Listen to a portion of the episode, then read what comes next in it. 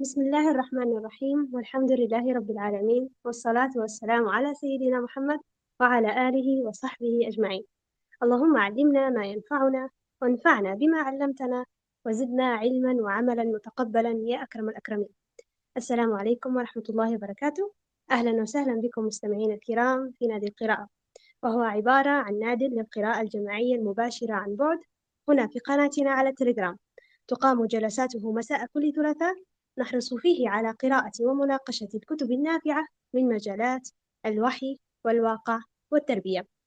وهذه هي الجلسة السادسة عشرة في النادي حول كتاب منهج التربية النبوية للطفل للكاتب الشيخ محمد نور سويد. الكتاب من مجال التربية وهدفه تأسيس القاعدة التربوية. ووردنا الليلة سيكون من الصفحة 319 إلى الصفحة 340 وسيكون في قراءته وفاء سليم دكتورة إيمان بوني آيات أبو شارف وسندس عبد, وسندس عبد السلام. الجلسة كما تجري العادة مقسمة بين قراءة ونقاش حيث يتم قراءة جزء من الورد يعقبه نقاش لمدة خمسة عشر دقيقة لما تمت قراءته. نبدأ على بركة الله هذه الجلسة. وتفضلي يا وفاء.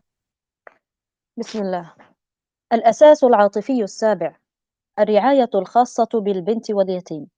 هذان النموذجان من الأطفال أشد حاجة من غيرهما إلى البناء العاطفي من رحمة ورأفة ورعاية. وذلك لما يتمتعان به من شعور بالضعف وفقدان عناصر القوة ولأنهما عند الناس أقل شأنا من غيرهما. وقد هضمت المجتمعات الجاهلية حقوقهما قديما وحديثا وحيثما ابتعدت أمة من الأمم أو مجتمع من المجتمعات أو أسرة من الأسر عن منهج الله وشريعته تطبيقا وعملا كان الظلم والحيف لهذين الضعيفين البنت واليتيم. والجاهلية هي الجاهلية تتكرر بمحاورها وتتبدل بأثوابها. أما القديمة فقد رفعت لواء الظلم لهما جهارا نهارا وأشهرته على الملأ جميعا بلا حياء ولا خجل ولا مروءة ولا شهامة. وأما الحديثة فقد زينت ظلمها ببعض المواد الدستورية المهترئة وفتحت لهما باب الحرية في التمتع بالرذيلة أيا كان نوعها ودرجتها في الفجور. وهكذا ضاع هذان الصنفان الضعيفان في مثل هذه المجتمعات والأسر. وبقي الإسلام وحده في الميدان المنقذ الوحيد لهما يدافع عنهما ويهاجم كل من يشير إليهما بأي ظلم أو حيف. حتى إذا ما وقع نوع من الظلم هدد وتوعد واستنهض النفوس المؤمنة واستجاشها فأبكاها حتى يرتفع الظلم ويحق العدل ويكبو الحيف وترتفع المساواة ويزهق الباطل ويثبت الحق. وما هذا الحشد الهائل من الآيات القرآنية والأحاديث النبوية بشأن هذين الطفلين الضعيفين والذي سيأتي ذكرها الآن إلا دليل على ما ذكرناه وبيان شاف على ما قدمناه لأن الله تعالى خالق البشرية عالم بظلمها عندما لا تتقيد بشرعه وأن القوي فيها يأكل الضعيف. لهذا جاء التنبيه النبوي بشأن هذين الضعيفين. قوله صلى الله عليه وسلم إني أحرج عليكم حق الضعيفين اليتيم والمرأة رواه الحاكم والبيهقي في الشعب عن أبي هريرة ورواه ابن ماجه والإمام أحمد وابن حبان في صحيحه. وبقي أن نسأل ما هي القواعد والضوابط التي نحن مخاطبون بتطبيقها لإنصاف هذين الضعيفين؟ أولا رعاية تربية البنت. أهم الوسائل في إصلاح المنزل ترقية تعليم المرأة عندنا وتزويدها في المدارس بالقدر الوافر من الدين والخلق وإفساح المجال في مناهج دراسة البنات للبحوث البيتية وتراجم فضليات النساء اللاتي كن مضرب المثل في الخلق الفاضل منهن كنسيبة بنت كعب وأسماء بنت أبي بكر وصفية بنت عبد المطلب وخولة بنت الأزور وسكينة بنت الحسين وغيرهن كثير. ولأن الأم مدرسة إذا أعددتها أعددت شعبا طيب الأعراق. أما أن تستمر مناهج البنات عندنا كما هي عليه الآن فتعنى بالكمال والضار وتترك الضروري والنافع. فهذا مما لا يبشر بحياة طيبة للنشء الإسلامي. تدرس البنات في مدارسنا الموسيقى واللغة الأجنبية والهندسة الفراغية والقانون. ثم هي لا تعلم شيئا عن تربية الأطفال ولا تدبير الصحة ولا علم النفس ولا الدين والخلق ولا تدبير المنزل. فأي منهج هذا و... وإلى أي وإلى أي غاية يوصل؟ من لي بتربية البنات فإنها في الشرق علة ذلك الإخفاق. والأم إذا صلحت فانتظر من ابنها أن يكون رجلا بكل معنى الكلمة. وأنت إذا استقرأت تاريخ العلماء وجدت أن السر في عظمة الكثيرين منهم ما بثته الأم من من المبادئ الصالحة القويمة بحكم اللبان والتلقين. وما كان علي بن أبي طالب كرم الله وجهه في حبه للحق وغيرته عليه ومناصرته للرسول صلى الله عليه وسلم ولا معاوية في حلمه ودهائه ولا عبد الله بن الزبير في شجاعته ولا الزبير نفسه في ذلك إلا سرا من أسرار فاطمة بنت أسد وصفية بنت عبد المطلب وأسماء بنت أبي بكر وهند ابنة عتيبة. ولئن كان الولد سر أبيه فكل إناء بالذي فيه ينضح. وحري بمن كان يسمع في مهده لأول عهده بالحياة تميمة أمه وهي تحثه على الشجاعة والأخلاق الفاضلة. أن يكون سيدا تتفجر الحكمة من جانبيه وتنطوي السيادة في برديه. كما كان عبد الله بن العباس بتأثير أمه أم الفضل بنت الحارث الهلالية. وحري بمن تطرق سمعه لأول مرة تلك الأغاني الخليعة والترنيمات الغثة التي يداعب بها أمهات هذا العصر أبناءهن أن ينشأ ماجنا خليعا فاتر الهمة ضعيف النفس. الأم أستاذة العالم والمرأة التي تهز المهد بيمينها تهز العالم بشمالها. فلأجل أن نصلح المنزل يجب أن نصلح الأمة التي هي روحه وقوامه. وبعد هذا التمهيد بقي أن نعلم ما هي القواعد الأساسية في تربية البنت. هناك ثلاث قواعد. القاعدة الأولى النهي عن كراهة البنت. صحح القرآن أولا النظرة والتصور عن البنت. والتي كانت ذائعة الصيت في المجتمعات الجاهلية فوجه العقول إلى تصحيح النظرة لها وتعديل التصور عنها وأنها مخلوقة خلقها الله تعالى مكملة للرجل في حياته فلها حقوقها وعليها واجباتها. وبتصحيح التصور هيأ النفس البشرية من بداية الطريق إلى معاملتها بالحسنى والقيام بالواجب نحوها ولهذا جاءت الآيات تصور الرؤوس العفنة. والنفوس المريضة لتعالجها. الأمر الذي أدى إلى انقلاب جديد في الحياة البشرية النسائية وبداية عصر النور لها. قال تعالى وإذا بشر أحدهم بالأنثى ظل وجهه مسودا وهو كظيم. يتوارى من القوم من سوء ما بشر به. أيمسكه على هون أم يدسه في التراب؟ ألا ساء ما يحكمون؟ الآية. ثم هز النفس البشرية وسألها وسأل ضميرها لتستيقظ من جهلها. قال تعالى وإذا الموءودة سئلت بأي ذنب قتلت؟ الآية. وأما رسول الله صلى الله عليه وسلم فقال إن الله كره لكم ثلاثة عقوق الأمهات ووأد البنات ومنع وهات. وروى البخاري عن ابن عمر أن رجلا كان عنده بنات فتمنى موتهن. فغضب ابن عمر فقال أنت ترزقهن؟ وهذا خطاب نبوي إلى الوالدين في تصحيح التصور عن البنات وعدم الكراهية لهن والمؤانسة لهن. روى الإمام أحمد والطبراني عن عقبة بن عامر قال قال رسول الله صلى الله عليه وسلم لا تكره البنات فإنهن المؤنسات الغاليات. وفي ختام هذه القاعدة نعيش مع تحليلات ابن القيم رحمه الله. ليقدم لنا التفسير والشرح والبيان عن قوله تعالى لله ملك السماوات والأرض يخلق ما يشاء يهب لمن يشاء إناثا ويهب لمن يشاء الذكور أو يزوجهم ذكرانا وإناثا ويجعل من يشاء عقيما إنه عليم قدير. الآية. قال رحمه الله فقسم الله سبحانه حال الزوجين إلى أربعة أقسام اشتمل عليها الوجود وأخبر أن ما قدره بينهما من الولد فقد وهبهما إياه. وكفى بالعبد تعرضا لمقته أن يتسخط ما وهبه. وبدأ سبحانه بذكر الإناث فقيل جبرا لهن لأجل, استث... لأجل استثقال الوالدين لمكانهن. وقيل وهو أحسن إنما قدمهن لأن سياق الكلام أنه فاعل ما يشاء لا ما يشاء الأبوين. فإن الأبوين لا يريدان إلا الذكور غالبا وهو سبحانه قد أخبر أنه يخلق ما يشاء فبدأ بذكر الصنف الذي يشاء ولا يريده الأبوان. وعندي وجه آخر والكلام لابن القيم وهو أنه سبحانه قدم ما كانت تؤخره الجاهلية من أمر البنات حتى كانوا يئدهن. أي هذا النوع المؤخر عندكم مقدم عندي في الذكر. وتأمل كيف نكر الله سبحانه الإناث. وعرف الذكور فجبر نقص الأنوثة بالتقديم وجبر نقص التأخير بالتعريف فإن التعريف تنويه.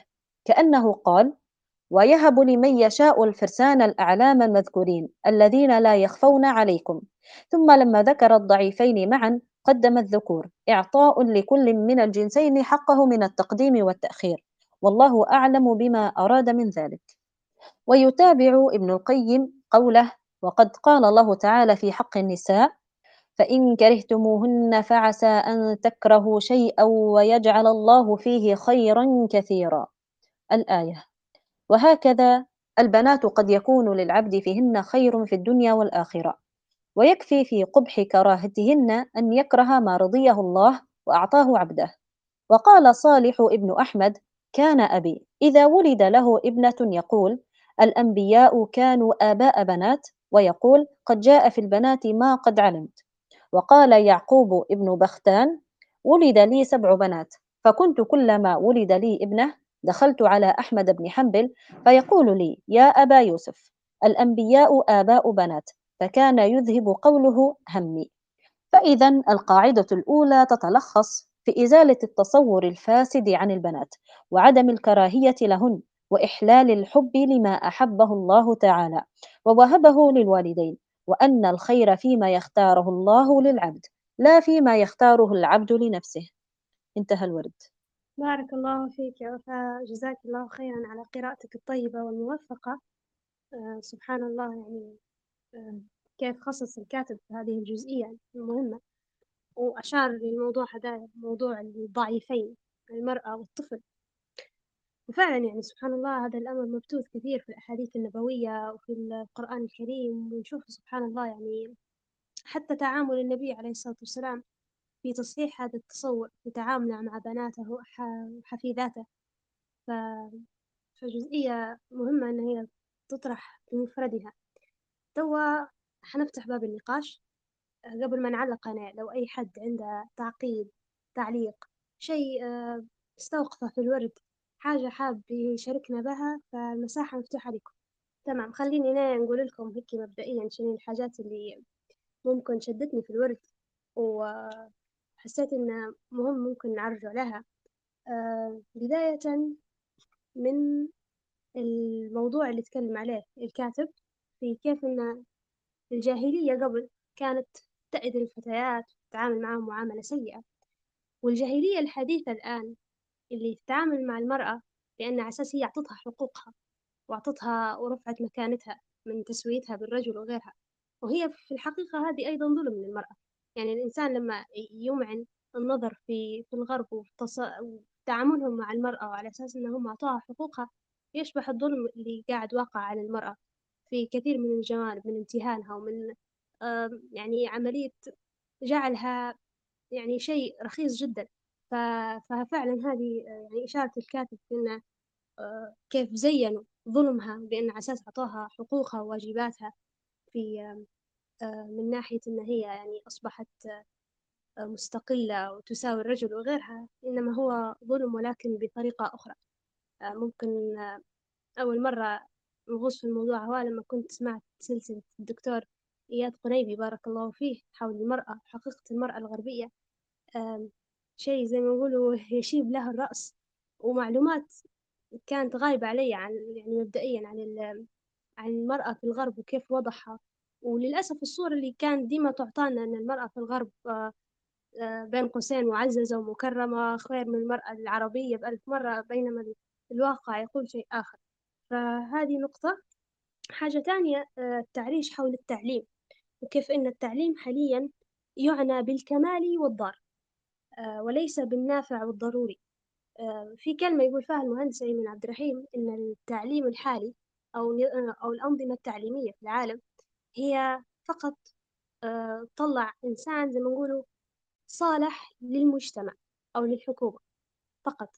بينما قبل الأنظمة التعليمية في الإسلام كانت تطلع في إنسان صالح مصلح مسلم والتركيز على كلمة مسلم حاليا ما فيش. فنشوفوا قداش الفجوة في, في تعاليمنا في تعليمنا الحالي بين بين ما مفترض الإنسان يتعلمه كإنسان مسلم شنو هي الأشياء الضرورية والنافعة عليه وبين اللي قاعد يتعلم فيه في المدرسة. فيشوف يعني فرق شاسع أو مسافة بعيدة بين ال... بين الشيء اللي المفروض يكتسبه من معارف و...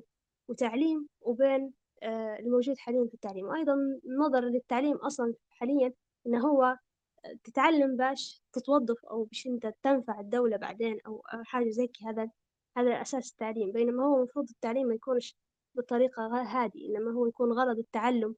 وإن الإنسان يقدر فعلا يستفيد من نفسه ومن عيلته وإنه يكون إنسان مسلم آه ويفيد دينه.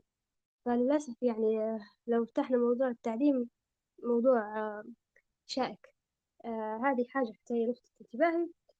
وحاجة تانية الكاتب ذكرها هيك وعجبتني اللفتة وهي قديش ما مهمة. فكرة الأم شنو شنو هي الكلمات اللي تسمعها لطفلها من صغره؟ شنو هي الإشارات اللي ممكن تشير تشير لها لطفله من لطفلها من الصغر؟ وإحنا بدأنا في بداية الورد أو بداية الكتاب خلينا نقول آه لما مرينا على الطفل أول ما يولد آه التكبير وغيرها من الأشياء هذه وكيف بعدين لما يكبر شوية البناء العقدي ليه وكيف إنه هو يعلم أذكار الصباح والمساء. هذه غير غير الأشياء العقدية وغير ذكر الله عز وجل اللي يتعلمها في الطفل يتعلمها الطفل في الصغر. ما ننساش أيضا جانب الكلمات الأخرى اللي ممكن تعزز عنده الهوية وتعزز عنده الأمور اللي المفروض الإنسان لو يعني يسمعها في الصغر ونعرف أن الأطفال للأسف ممكن هم يعاملوا كأن هم ناس ما تفهمش لكن هم يركزوا في الكلمات ويمتصوها لعل ما يقدروش يعبروا عليها ولكن هي تنزرع في نفوسهم. فالإشارة اللي أشار لها الكاتب هنا مهمة فكرة الهدهدات والترانيم والحاجات اللي الأم تذكرها في, في الطفل من صغره شنو هي؟ شنو الكلام اللي أنت تقولي فيه لطفلك؟ شنو هي الأغاني اللي تغناها لطفلك من صغره؟ علشان يشيب هذا الطفل أو خلينا شنو يشب هذا الطفل من الصغر فلفتة كانت جميلة ذكرها الكاتب هنا. آه هذه الحاجات مبدئيا قبل القاعدة الأولى. فلو عندكم أي تعليق أو شيء حابين تقولوه بالخصوص فالمساحة مفتوحة لكم. طب حنعطي الكلمة لنور قبل. تفضلي نور. السلام عليكم كيف حالك هاجر شكرا بارك الله فيكم على الطرح الجميل هذه أول مرة نحضر معاكم يعني وما شاء الله. في بس نقطة بنعقب عليها. كلام الكاتب صحيح في فيما يخص موضوع تدريس البنات في مدارسنا، والأمر مش بس منوط تدريس البنات حتى تدريس الشباب. يعني في الحالتين في ضعف في موضوع التربية وموضوع الخلق وموضوع الدين وموضوع حتى المسؤوليات وما منوط بها يعني تجاه الأمة. الفكرة في إن المدارس ما توجهت لها حاليًا من تدريس هذه المناهج الموردة إلينا من الخارج، جاءت من خلال تأثير الاستعمار على الأوطان العربية، لأن قبل ما كانش المدارس بالصورة هذه، كانت يعني حسب ما أنا مثلًا مطلعة في في حاجات معينة كان في على علمي في دمشق مثلًا كان في مدارس مدرسة للغة العربية، مدرسة للحديث. مدرسة للقرآن والتفسير. كان في مدارس خاصة تعلم الأشياء هذه بالتفصيل ولكن أمتى تغيرت وأمتى صار التأثير هذا في ابتعادها وأن هي تندثر شيئا فشيئا إلى أن صارت غير موجودة بتاتا. آه لما دخل الاستعمار الفرنسي علي على بلاد الشام تحديدا. ونفس الشيء منطبق هنا أيضا يعني على ليبيا لما صار الاستعمار الإيطالي وكذا.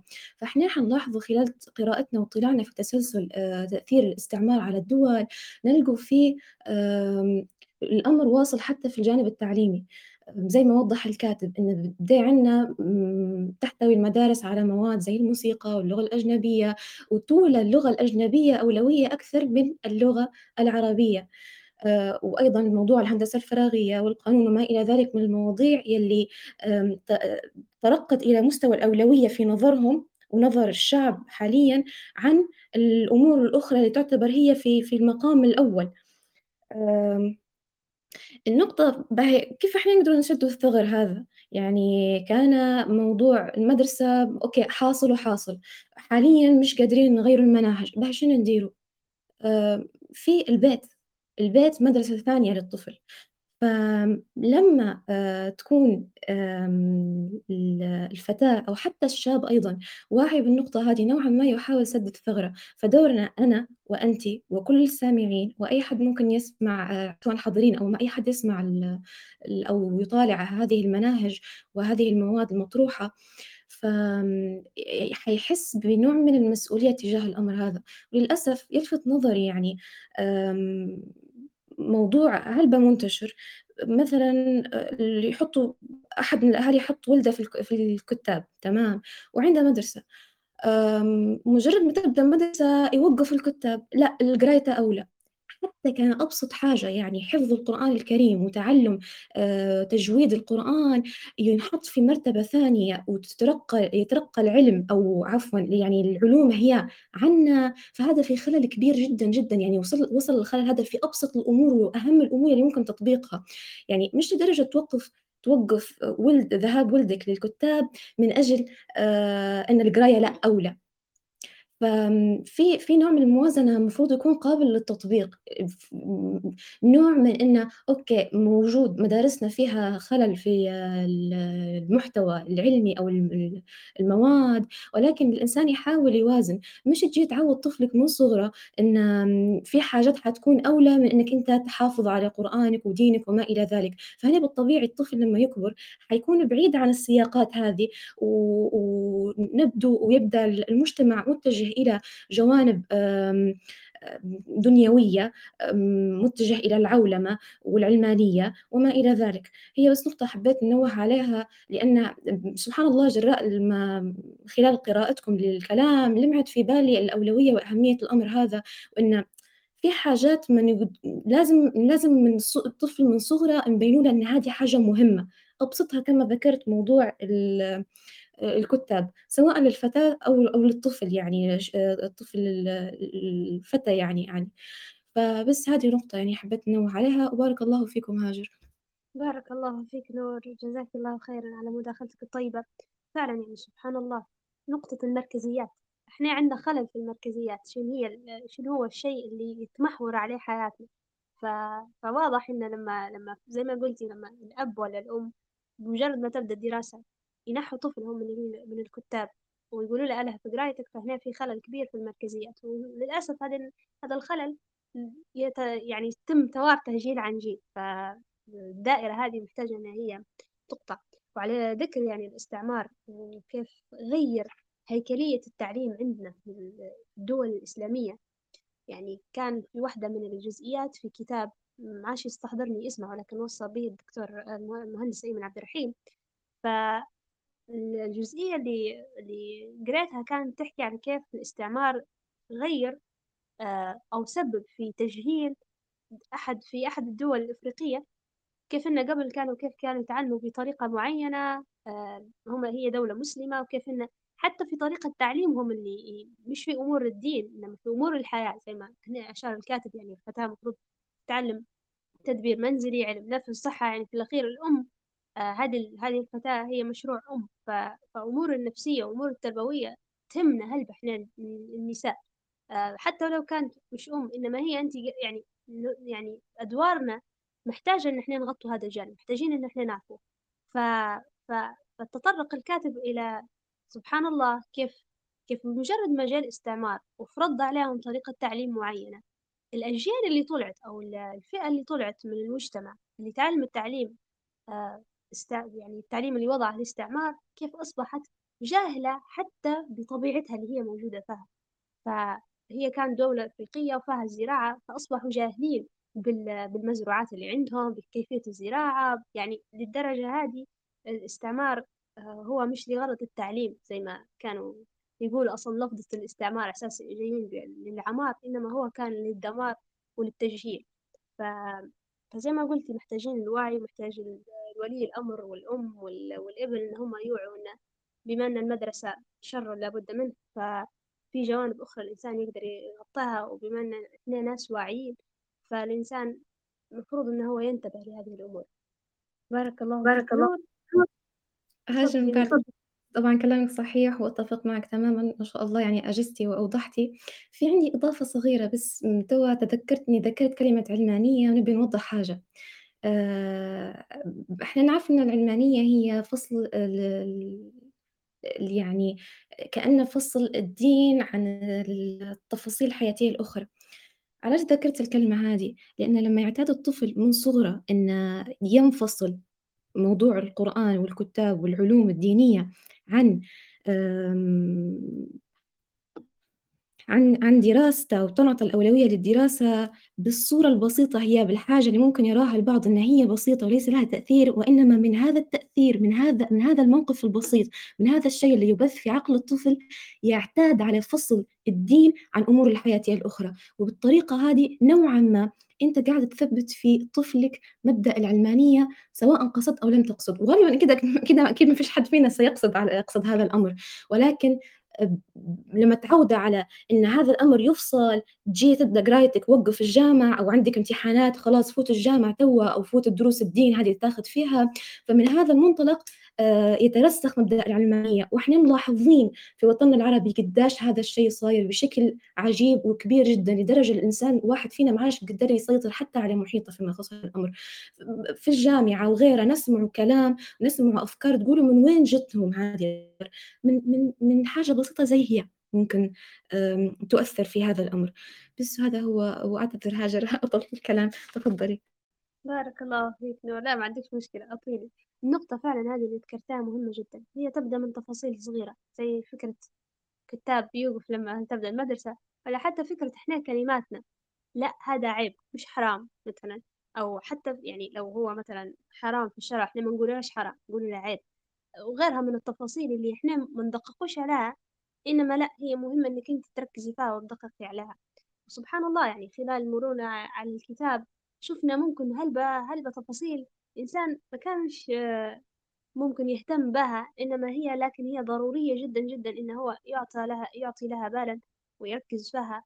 لأن زي ما قلتي هذه التفاصيل الصغيرة تتراكم تتراكم وتصبح حاجة كبيرة. الإنسان يعني للأسف بعدين آه يشوفوا إن في تصرفات الإنسان يستغرب كيف ممكن هي تكون موجودة. سبحان الله المهندس أيمن عبد الرحيم يقول في في كلمة آه يعني آه زي ما نقولوا مقابلة لكلمة هيمنة آه فصل الدين على الدولة وكيف إن هم ينادوا بهذا الأمر. هو يقول إن الدين المفروض يكون مهيمن على الدولة مش مفصول عليها. فبارك الله فيك نور. لو أي حد عنده مداخلة آه حاب آه يشير لها أو تعقيب حول كلامي أنا ونور. تفضل أنس. السلام عليكم. آه، مش عارف بنركز على نقطة مش عارف إذا ذكرتوها قبل شوية ولا لا. النت فصل ورجع بس هي القصة آه، إن هو صحيح التعليم هو آه، اتجاهها ماهوش ماهوش صح تمام؟ باهي. لكن في فيه تأثير عكسي بدا يصير إنه مثلا البنت تقول أنا في النهاية يعني نهايتي في حوش راجلي يعني مش لازم نتعلم فيسيبوا العلم نهائي مرة واحدة. مش عارف وجهة نظر صحيحة ولا من جهتكم آه بس نشوف في الفئة زي توا يعني تجاههم وهذا خطأ ليش؟ لأنه آه أكثر شيء أصلا تحتاجه الأم في البيت هو العلم. يعني كيف بتربي الصغار.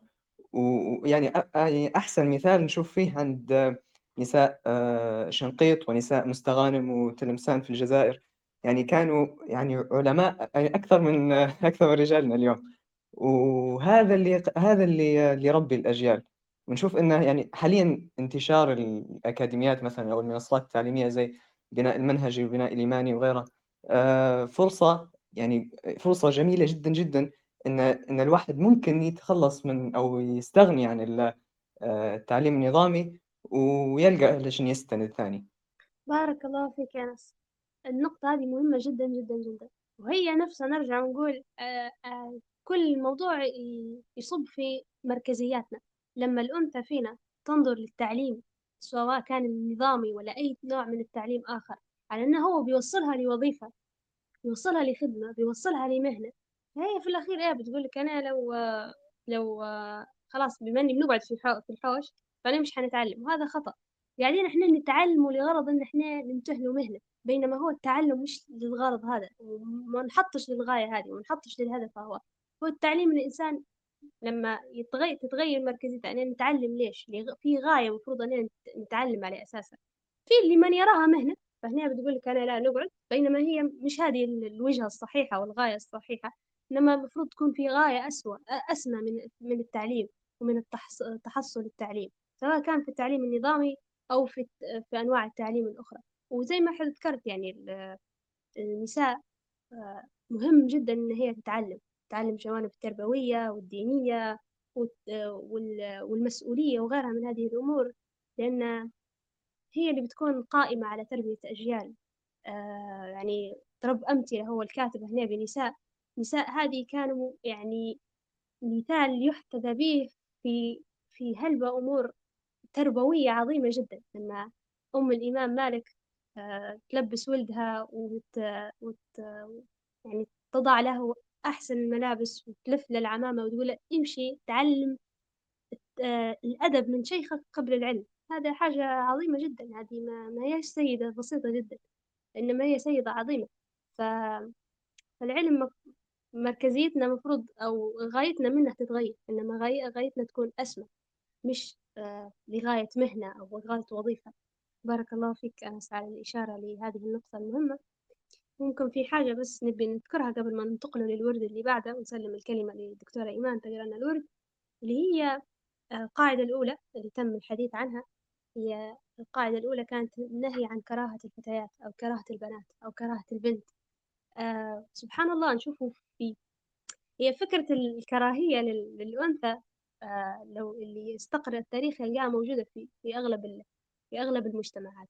وللأسف هنا علمنا أو قولبنا للأسف في العالم الإسلامي من الإعلام والميديا وغيرها إن المجتمع الإسلامي هو اللي يكره المرأة غير المجتمعات الأخرى ما تكرهش المرأة بينما العكس هو الصحيح الإسلام جاء ونصر المرأة وحطها في موضعها الصحيح وهدفها وغايتها من خلقها سبحان الله.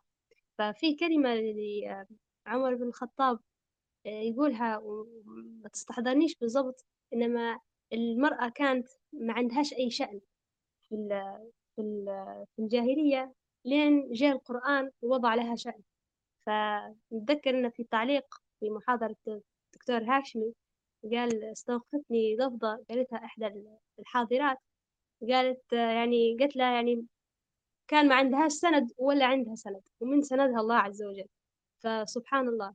فيستقرأ سبحان الله الإسلام وكيف عامل المرأة بالذات الرسول عليه الصلاة والسلام ممكن الآيات القرآنية واضحة وأحاديثه واضحة لكن تعامله النبي عليه الصلاة والسلام مع المرأة آه، مع بناته وكيف سبحان الله كان لما السيدة فاطمة تدخل عليه ينوض ويقبلها بين آه، بين عينيها وكيف سبحان الله آه، الموقف اللي صار للسيدة زينب وزوجها لما تم أسره والفداء اللي قد ماته وكيف إنه هو تعامل معاه صلاته بحفيدته أمامة. كل هذه المواقف كانوا كانت هي أحاديث نبوية ولكن بطريقة عملية للتعامل مع المرأة وتزرع في نفوس الصحابة ونفوس المجتمع الإسلامي وقتها آه، عدم كراهية المرأة وتصحيح التصور للمرأة هذه إن هي آه، مكلفة زيها زي الرجل لعبادة الله عز وجل وهذه هي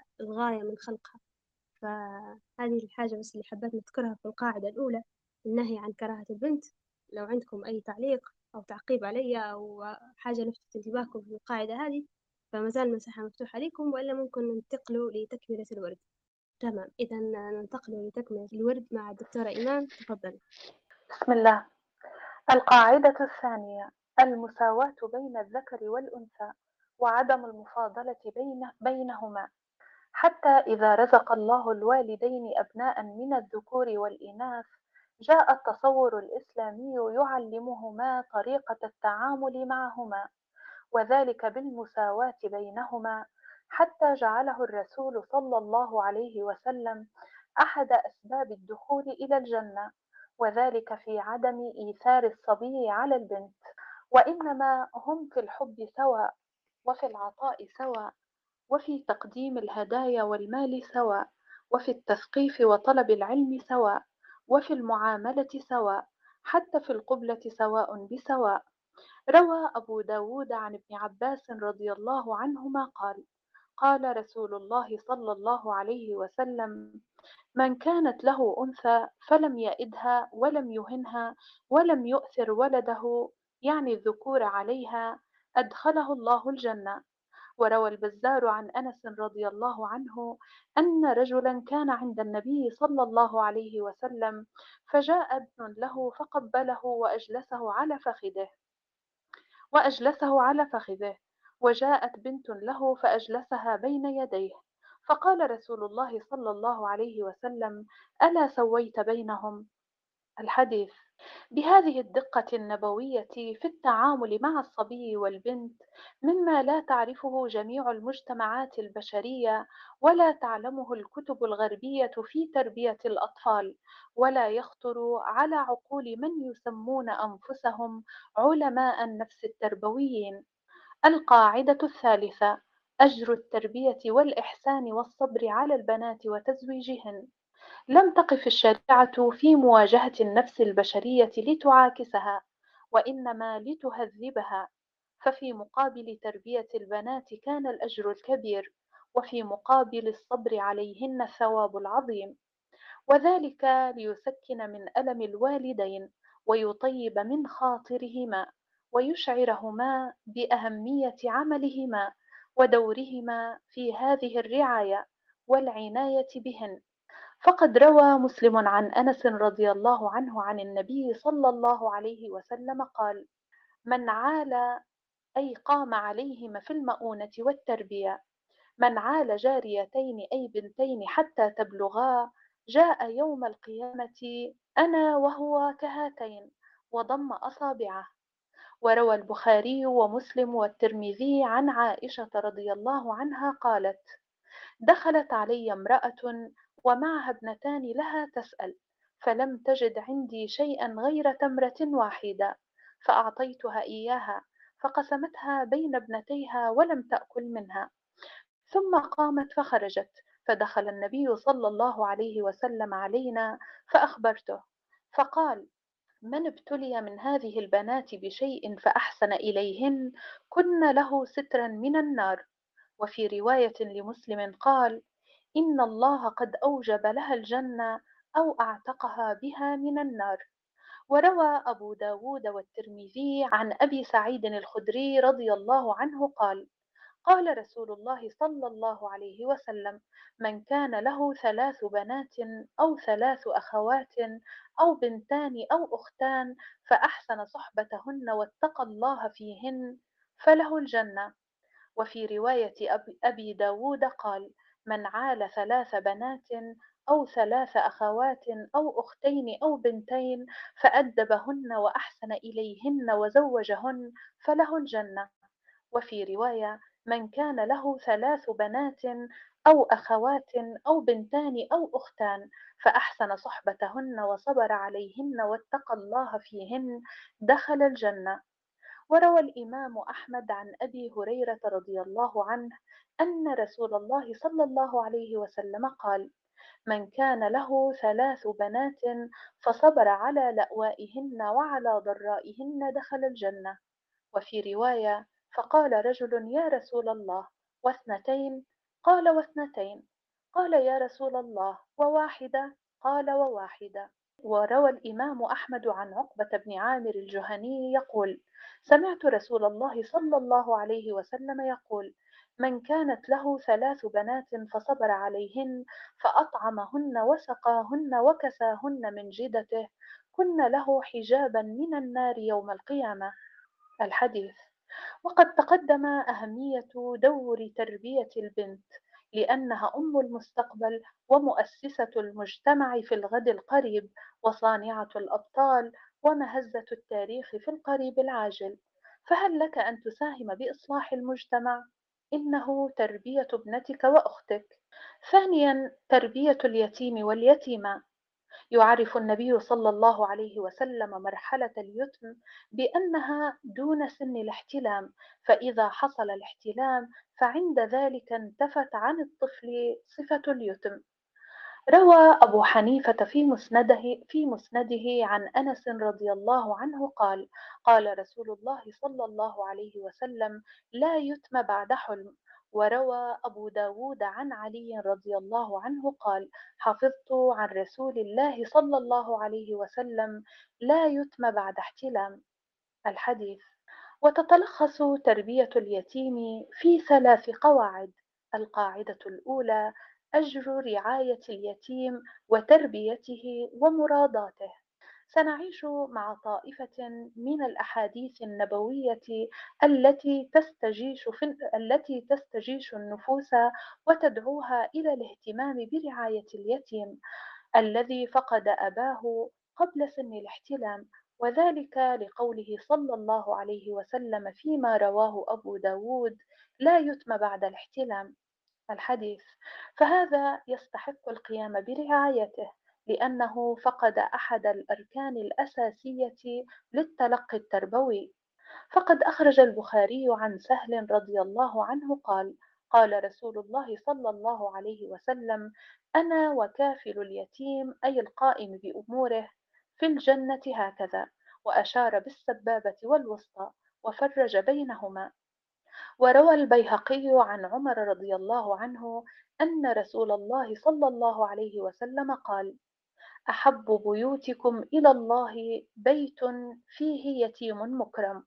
وروى ابن ماجة عن أبي هريرة رضي الله عنه قال قال رسول الله صلى الله عليه وسلم خير بيت في المسلمين بيت فيه يتيم يحسن إليه وشر بيت في المسلمين بيت فيه يتيم يساء إليه. أنا وكافر اليتيم في الجنة كهاتين يشير بإصبعيه. الحديث.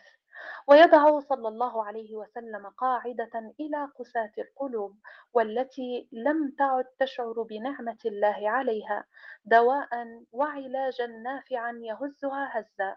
روى الطبراني عن أبي الدرداء رضي الله عنه أنه أتى النبي صلى الله عليه وسلم رجل يشكو إليه قسوة قلبه فقال له أتحب أن يلين قلبك وتدرك حاجتك؟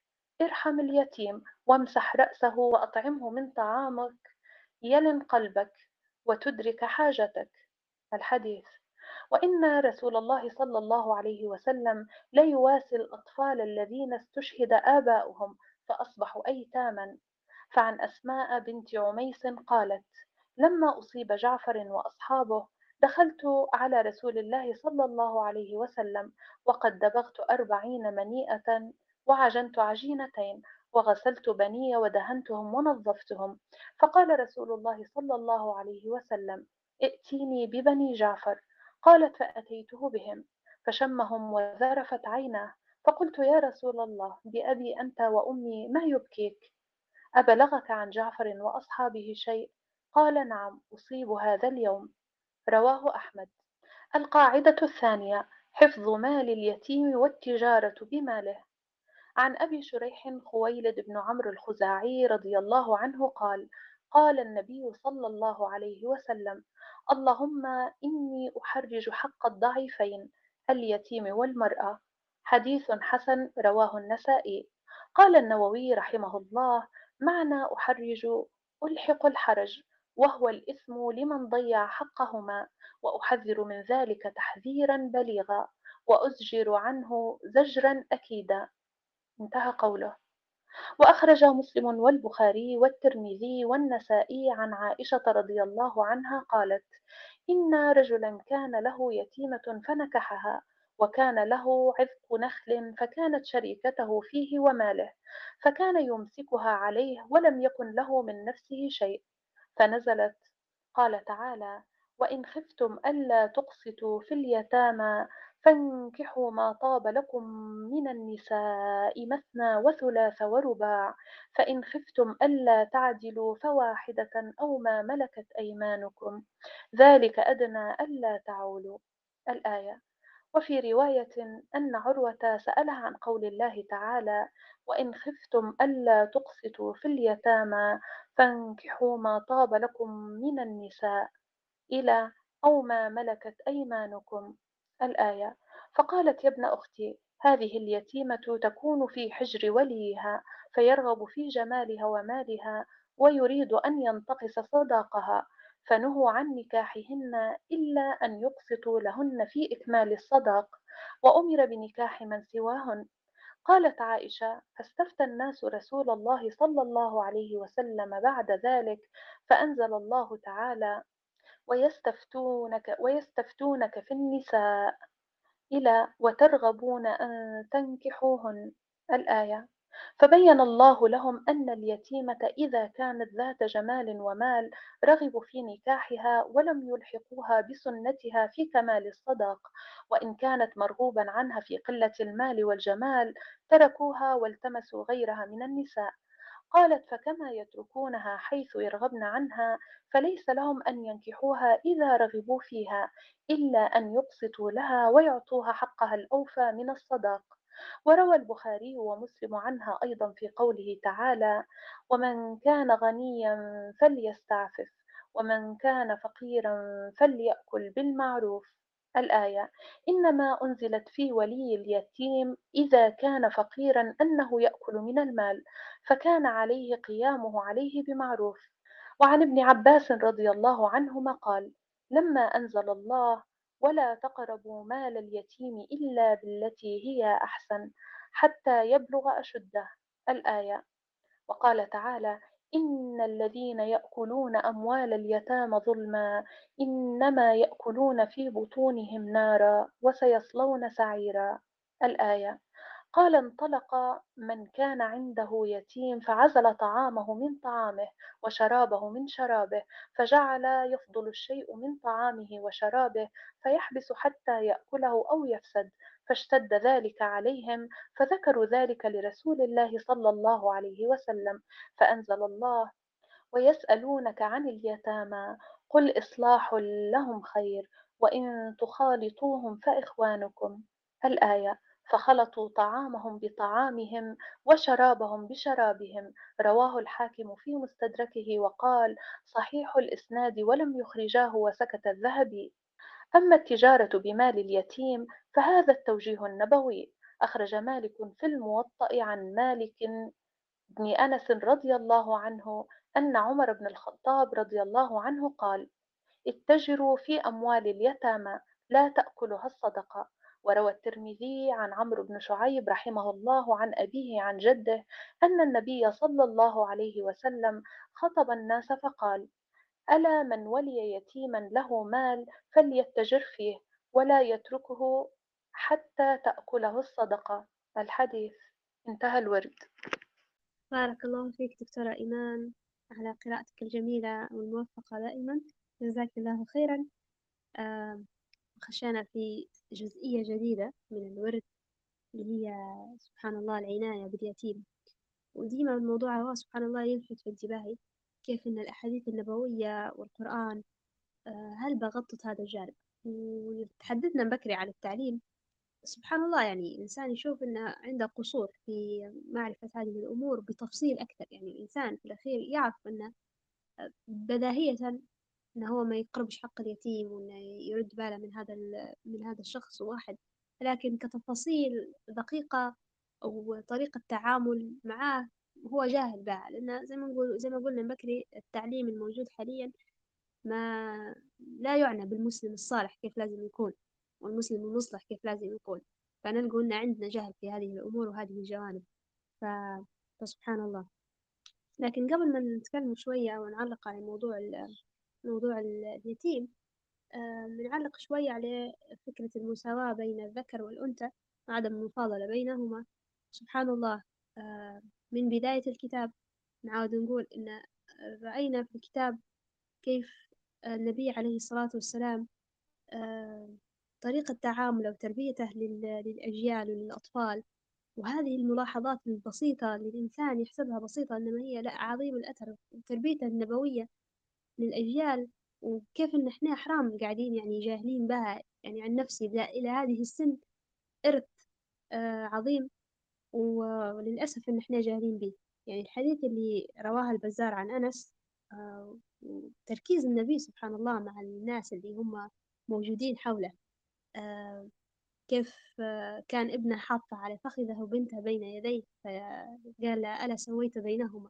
ممكن الإنسان يحس إن الأمر هذا عادي ومش ضروري بينما ما دام فعله النبي عليه الصلاة والسلام إنما هو مهم وضروري ويأثر في النفس البشرية. يعني ما يحسبش إن الإنسان هذا طفل ما ما يعرفش أو ما يحسش أو ما ينتبهش لأ يحس وينتبه ويعرف. آه، الأمور النفسية والوقحة على النفس وجبر الخواطر هذا هذا أمر مش غايب. في حاجة ثانية حتى هي بنعلق عليها اللي هي في جزئية أجر تربية التربية والإحسان والصبر على البنات وتزويجهم. آه لا إله إلا الله. آه فكرة ممكن الإنسان اللي يشوف الحديث من ظاهره إن أنا من كيف نتعامل مع هذه الأنثى إني أنا مثلا آه نوكلها نشربها نكون لها بيت كويس آه غيرها لكن ما يركزش مثلا في لفظة الإحسان. كيف إنك تحسن لهذه الأنثى؟ كيف إنك ممكن تعاملها معاملة حسنة؟ كيف إنك أنت ترد بالك من من تصرفاتها وتشبع حاجاتها النفسية والعاطفية آه، حتى تحميها من من أي ممكن مشاكل تصير لها في المستقبل أو من أي انحرافات ممكن تصير لها لأن هذا الأمر ممكن يغفل عليه وهو حاجة مهمة جدا. أعجبني فكرة سبحان الله الإنسان لعله فقط يكون يعني هنا سبحان الله ديننا الإسلامي طرق دخول الجنة عديدة ومتاحة. يعني بس الإنسان يتخير الباب اللي يبي يخش له يخش من خلاله للجنة. فإن الإنسان مثلا يكون كل حياته أو كل غايته أو كل غرضه إنه هو مثلا يتزوج وينجب بنت وهذه البنت يحسن معاملتها والهدف والغاية من هذا الإحسان إنه هو يدخل الجنة. أمر لعل الإنسان يشوفه بسيط ولكن هو عظيم. ف... ف... فالتركيز على هذه الأحاديث النبوية آه، سبحان الله كتبت حتى أن هل يكون الهدف آه، من هذه التربية دخول الجنة هو مذكور في الأحاديث. فهذه الحاجة اللي حبيت أشير لها. قبل ما ممكن نخش لجزئية اليتيم نفتح لكم المجال لو أي حد عنده تعليق أو تعقيب. فالمساحة مفتوحة لكم أي في حاجة لفتت انتباهي جميلة جدا هيك وسبحان الله فيها عاطفة مؤثرة. اللي هي في جزئية قرأت عن التمست فيها عاطفة شديدة عند الرسول صلى الله عليه وسلم. يعني يلزم الإنسان إنه يتأمل فيها. كيف تعامله مع مع مع اليتيم وأيضا مع الأطفال بشكل عام. يعني في في في سيرته صلى الله عليه وسلم مواقف من تعامله مع الأطفال وكذا. تبرز جزء جزء جميل جدا في شخصيته وعاطفته تجاه الناس وخاصة الفئة العمرية الصغيرة. فهذه الحاجة نحس فيها جدا مهمة وجوهرية ولها دور في التربية. وأيضا سبحان الله المشاعر هذه سامية جدا. وصعب صعب نوصفها لكن أنت مجرد سماع إيمان وهي تقرأ في هذه الجزئية تأثرت جدا في الكلام هذا وتأثرت هيك محاولات تخيل كيف الرسول صلى الله عليه وسلم كان يعامل الأطفال هذا وكيف كان يتأثر لحالهم وما إلى ذلك. فسبحان الله هيك حاجة جميلة جدا. فأدعو للتفكر في هذا الأمر و... وأيضا يعني كلمة راحت مني. ولكن يحاول الإنسان أن يمضي على هذا الأثر إن شاء الله. بارك الله فيك. آه سبحان الله يعني ممكن واحد أكثر الأحاديث اللي اللي لفتت انتباهي وشدتني في في جزئية تربية اليتيم هي لما جاء شخص للرسول عليه الصلاة والسلام يشكو قسوة قلبه. يعني ممكن هذا أمر يكون خارج شوية عن النطاق اللي إحنا نتكلم عليه في الكتاب حاليا وحاجة ثانية لكن الإنسان محتاج إنه يوقف في الحديثة هو في التفاصيل هذه. شخص عارف نفسه وقارئ نفسه وعارف إن قسوة القلب مشكلة. ما إحنا للأسف أصبحنا نعيش في, عالم وفي زمن آه، ممكن الإنسان ما يركزش في هذه التفاصيل. ممكن الإنسان حتى ما يعرفش يكون غافل عن نفسه إنه هو عنده قسوة قلب أو أو مش لين جانب. الإنسان هذا مدرك إنه هذا الأمر ما, هوش صح وما هوش صائب إن المسلم يكون قاسي القلب بينما المسلم المفروض يكون رحيم و... و... وعنده لين في قلبه وقلبه صالح. فصدق النفس أو الصدق مع النفس وحسن قراءتها هل استوقفتني في الجزئية هذه؟ ممكن الحديث مر علي أكثر من مرة ولكن أول مرة يستوقفني بالطريقة هذه.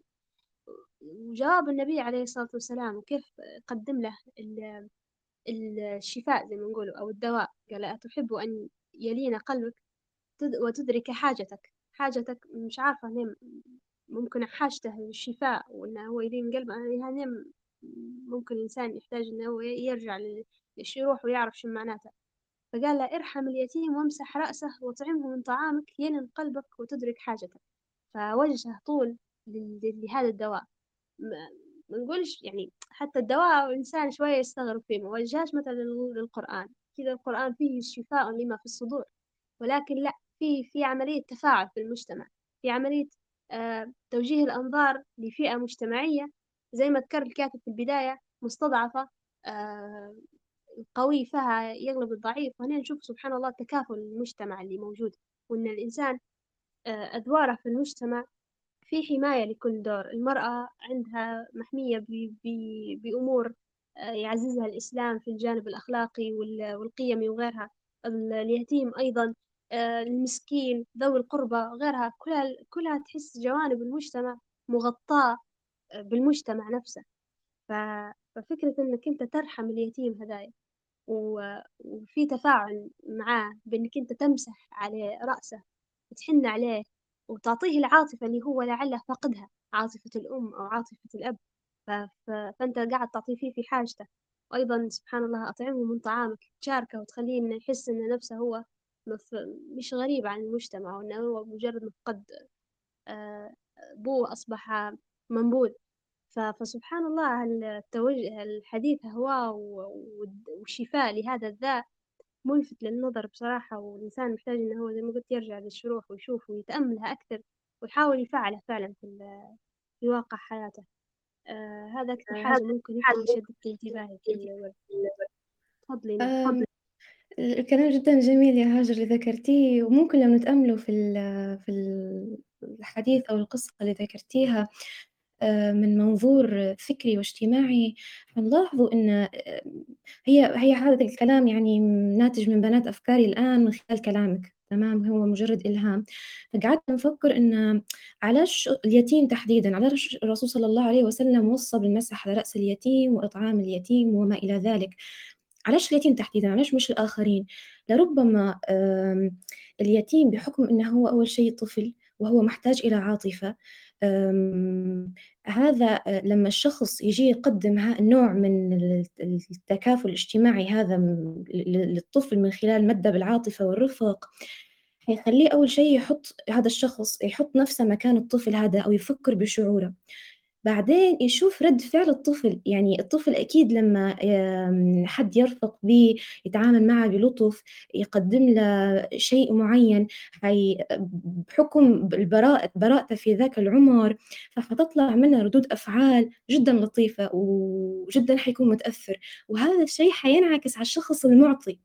فممكن باش هيك كان التركيز على على على اليتامى لأن هم في سن صغيرة آه، وردود أفعالهم حتساعد في تكوين آه، الكينونة كينونة الرفق الرفق وكينونة المشاعر واللطف لدى الشخص الآخر. فسبحان الله يعني التفصيل هذا جدا جميل ولفت نظري ويدعو إلى التأمل ويدعو أيضا للتركيز آه، على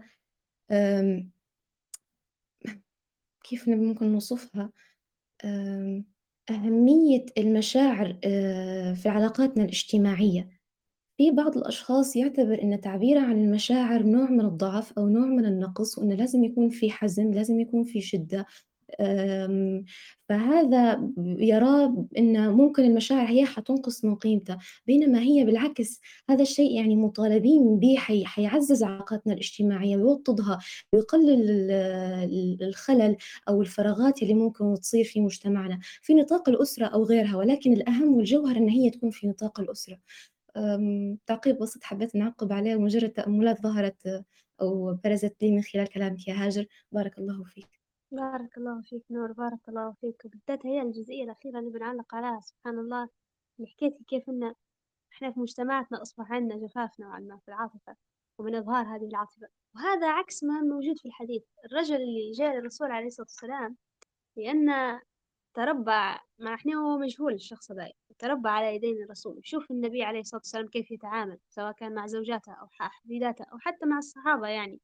فهو ما نعرفوش شنو القصد بقسوة القلب ولكن يشكو كان قسوة قلبه. يعني في يعني يرى أن لا في خلل في الموضوع يعني حاجة مش مزبوطة عكس اللي إحنا تو شائع في المجتمع من عدم إظهار المشاعر وال- والجفاف زي ما قلت وحاجات زي هذه التراكمات اللي على القلوب آه، هي الشائعة أصبحت وهي العادية بين قوسين. بينما هذا الحديث يبين لنا الأمر عكس عكس تماما سبحان الله. وعلى كيف أن المجتمع يتكافل. يعني في البداية أول ما تكلم ال- الكاتب على اليتيم قال إن هو اللي قاعد ما وصلش لسن الاحتلام فهذا هذا الطفل اللي آه، اللي يهتم به. ممكن يعني سبحان الله فكرة التكافل المجتمعي إنه ممكن هذا الطفل خلاص لما يصل لسن التكليف يطلع من منطقة منطقة اليتم والاهتمام به من ناحية من ناحية إنه هو يتيم. لا يخش في دائرة أخرى. يخش في دائرة إنه هو أصبح مكلف مسؤول وأيضا يخش في دائرة ناس تانية تهتم به.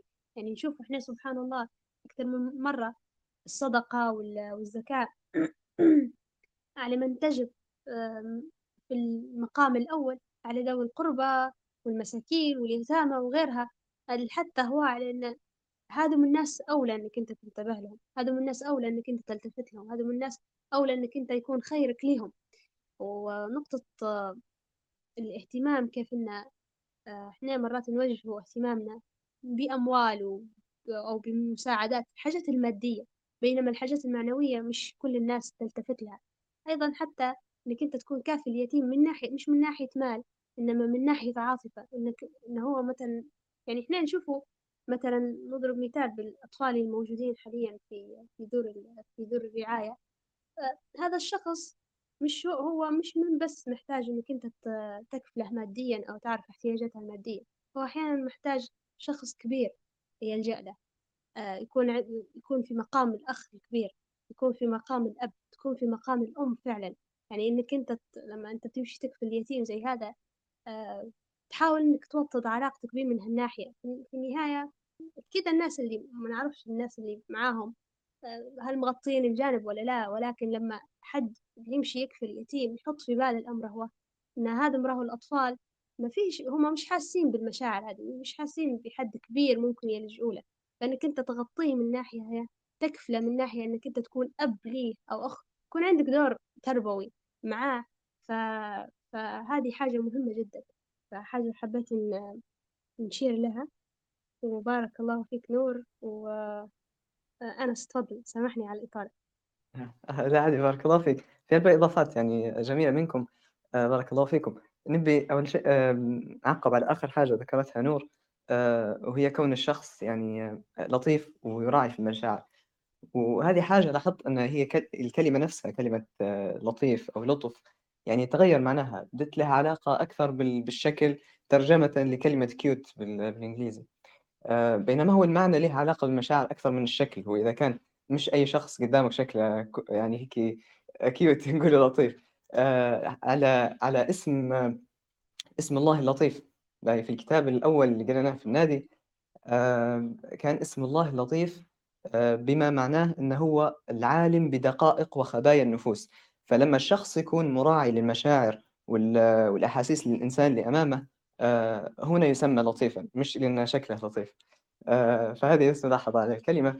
آه، وفيه يعني في موضوع المرأة بكري ذكرتي في آه، آه، الورد الأول آه، حديث لما كان النبي صلى الله عليه وسلم آه، إذا دخلت فاطمة يقف ويقبلها وثم آه، يعني يجلسها مكانه. آه، في بعض العلماء يعني حاجة ظريفة. آه، بعض العلماء قالوا شنو؟ آه، يسن للرجل آه، اللي يكون محرم لها. آه، زوج أو أخ أو أب إن إذا دخلت عليه المرأة اللي من من الأشراف طبعا هي قصة الأشراف قصة معقدة ولكن غير اللطف بس ذكرت النقطة إنه يسن للرجل إنه يقف ويقبلها ويجلسها م- م- مكانها يعني حتى الآن في واقعنا يعني. آه، إيه حاجة جميلة. آه، بالنسبة للأيتام فيه جمعية في السعودية اسمها جمعية الوداد. آه، عملهم أعجبني جدا جدا جدا. بالدقة وال يعني كيف التفاصيل اللي يهتموا بها. آه، طبعا هم ما يكفلوش في أيتام أنفسهم ولكن يربطوا بين الأيتام وبين الأسر اللي تبي تحتضن أيتام. هم يعني مركزين على آه، مصطلح احتضان أكثر منه آه، كفالة أو تبني. ف فشو دايرين؟ دايرين يعني فلاتر يعني من دقتها الواحد مرات يقول لا خلاص فكني ما عادش نبي نتبنى ما عادش نبي نكفل. يعني يركزوا في كل شيء عند العائلة نفسهم. إذا كان عندهم مشاكل إذا كان عندهم أمراض مزمنة إذا كان عندهم آه، عسر مادي إذا كان حتى إذا كان أحد أقارب العائلة هذه آه، ما هوش موافق على إنهم يتبنوا يرفضوا طول طلب التبني. لأنهم يبوا إن الطفل لما يتبنوه يعني مش حيتبنوه يعني الزوج والزوجة بس لا هو يبوه يعيش في الأسرة الكلية الكبيرة. فيهتموا حتى بالأقارب ومع كل الشروط هذه كلها آه، إذا وافقوها آه، يطلبوا منهم طلب ومهم ضروري قبل يعني إنهم يتبنوه إن تكون فيه آه، إنه يعني يتبنى بالرضاعة. ضروري إن ترضع المرأة الزوجة أو يعني أحد محارمها. باش يقدر يعني يكون عايش معهم حتى بعد ما يكبر ما يصيرش مشاكل بعدين. هنا في ليبيا صارت صارت هلبة هلبة مشاكل لأطفال يعني متبنينهم بعد وصلوا سن 18 خلاص بدون ماش يعني مش محرم للعائلة اللي قاعد معاهم. فصار هلبة مشاكل آه، بناتهم في في المحاكم وكذا. فيا ريت والله مؤسسات أو مبادرات زي هذه تكون موجودة في بلادنا آه، شكرا. بارك الله فيك أنس. فعلا يعني نعاود نقول الاهتمام بموضوع اليتيم وطريقة التعامل معاه والالتفات لهذا لهذا الفئة من المجتمع. هل فيها قصور.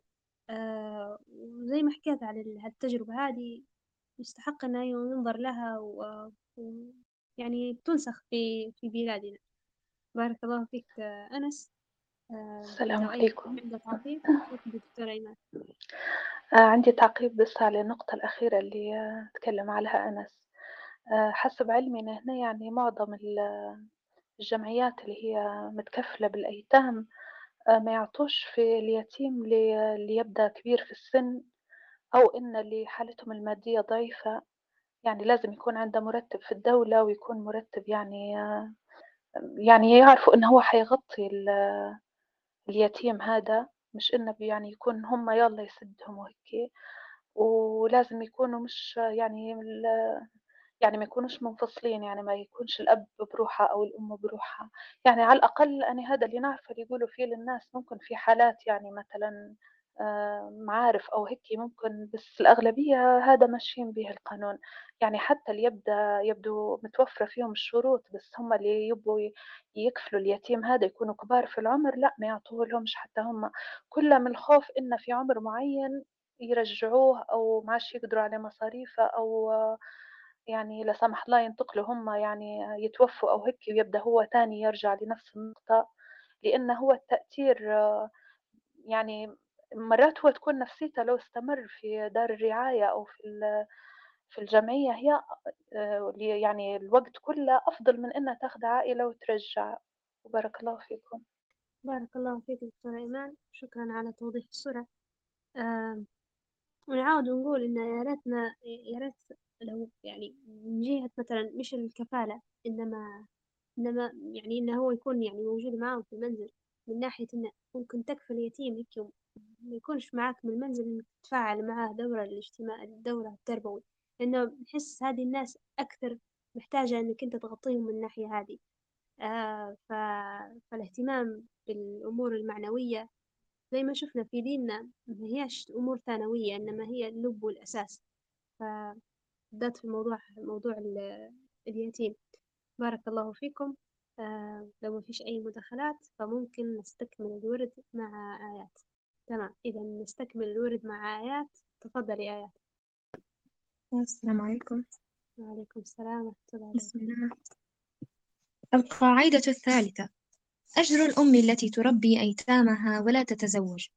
روى أبو داود وأبو يعلى عن عوف بن مالك عن النبي صلى الله عليه وسلم قال أنا وامرأة سفعاء الخدين آمت من زوجها فصبرت على ولدها كهاتين في الجنة وزاد أبو داود ذات منصب وجمال حبست نفسها على يتاماها حتى بانوا أو ماتوا. الحديث وهكذا وجدنا اهتمام رسول الله صلى الله عليه وسلم بكل من الضعيفين البنت واليتيم. فوجه الأمة إلى زيادة الاهتمام بهما والحرص عليهما والإحسان لهما وإنها مكرمة. أي مكرمة؟ الأساس العاطفي الثامن. التوازن في حب الطفل بلا إفراط أو تفريط. أفاض الشيخ الجليل محمد الخضر الخضر حسين رحمه الله تعالى وهو ينبه إلى ضرورة التوازن في حب الطفل. فقال من الناس من يدرك أن التقام الأطفال بثدي التربية مما يؤثر في نفوسهم إصلاحا عظيما. ولكن فرط الرأفة الذي ينشأ عن التغالي في حبهم يكسر من صلابة الآباء شيئا كثيرا فيدفعهم عن مكافحة طباع أبنائهم الرديئة ومقاومتها بالتأديب وينفض بهم ذلك الإهمال إلى التنقل في مراتع الشهوات الزائفة. كلا هذه رأفة غير ممزوجة بحكمة. مع أن التنقل في مراتع الشهوات تتولد عنه نتائج وخيمة. تثير بين الآباء والأبناء الفرقة والتباعد بمقدار ما كان, ما كان بينهم من الحنان والمقاربة وتصير بهم إلى أن تضرسهم أنياب الاضطهاد وتدوسهم أقدام الامتهان. لا نريد بكراهة هذه الرأفة المفرطة أن يفتك الصبي من إقدام سائر إرادته ويسلب منه جميع عزائمه. كما يفعله الجاهلون بأساليب الإصلاح والتهذيب. إن ذلك مما يحول بينه وبين عزة النفس وما يتبعها من قوة الجأش وأصالة الرأي والإقدام على إرسال كلمة الحق عندما يقتضيها المقام. فيكون ألعوبة بين معاشريه كالكرة المطروحة بينهم يتلقفونه رجلا رجلا أو آلة يستعملونها فيما يشتهون. التربية النافعة ما كانت أثرا لمحبة. يطفئ البأس شيئا من حرارتها وصرامة تلطف الشفقة من شدتها وهي التي يستوجب الوالدان دعاء الولد بقوله رب ارحمهما كما ربياني صغيرا. ويتابع قوله ولم يفقه بعض أرباب البيوت ومن يحاول اللحاق بهم أهمية التربية حتى الآن. فيفرط فيفرطون في مجاراة الولد على جميع أهوائه ويفوضون له أن يقضي ما هو قاض. وربما تغنوا بمديحه في المجامع الحاشدة. وأطروه بما لا تنطبق شهادة ثماره عليه ولبئس ما كادوه به لو كانوا يعلمون. إنما نصبوا لهذا المسكين مكيدة تسد في وجهه أب أبواب الآداب الجميلة وتجعل بينه وبين السعادة حاجزا حجابا مستورا. وهكذا تجد أن الرأفة والحنان والبناء العاطفي كلما كان متوازنا اقترب نحو البناء الذي يؤتي أكله, أكله كل حين بإذن ربه. وبإمكاننا تشبيه الرأفة والحنان والعطف مثل وجبة الطعام. فكما أن الإكثار من الطعام يؤدي إلى التخمة والأمراض فزيادة الحنان تؤدي لمرض الدلال الذي يؤدي إلى الميوعة وعدم الجدية. ولكن يبقى السؤال الذي يطرح نفسه ما هي الضوابط التي تجعل هذا الحب والعطف متوازنا؟ للإجابة نجد ثلاث قواعد. القاعدة الأولى أن تلزم نفسك وولدك شرع الله تعالى. إن حب الولد له حدود وإن حب الولدين له حدود كذلك. إن حب الله ورسوله صلى الله عليه وسلم مقدم عن أي على أي حب.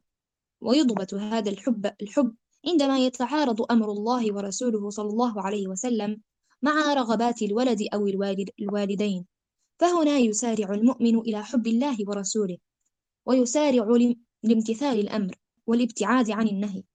فقد أخرج البخاري ومسلم والنسائي عن أنس رضي الله عنه أن رسول الله صلى الله عليه وسلم قال والذي نفسي بيده لا يؤمن أحدكم حتى أكون أحب إليه من والده وبلده والناس أجمعين وروى الترمذي عن سليمان بن عمرو وروى الترمذي عن سليمان بن عمرو بن الأحوص رحمه الله تعالى قال حدثني أبي أنه شهد حجة الوداع مع رسول الله صلى الله عليه وسلم فحمد, فحمد الله وأثنى عليه.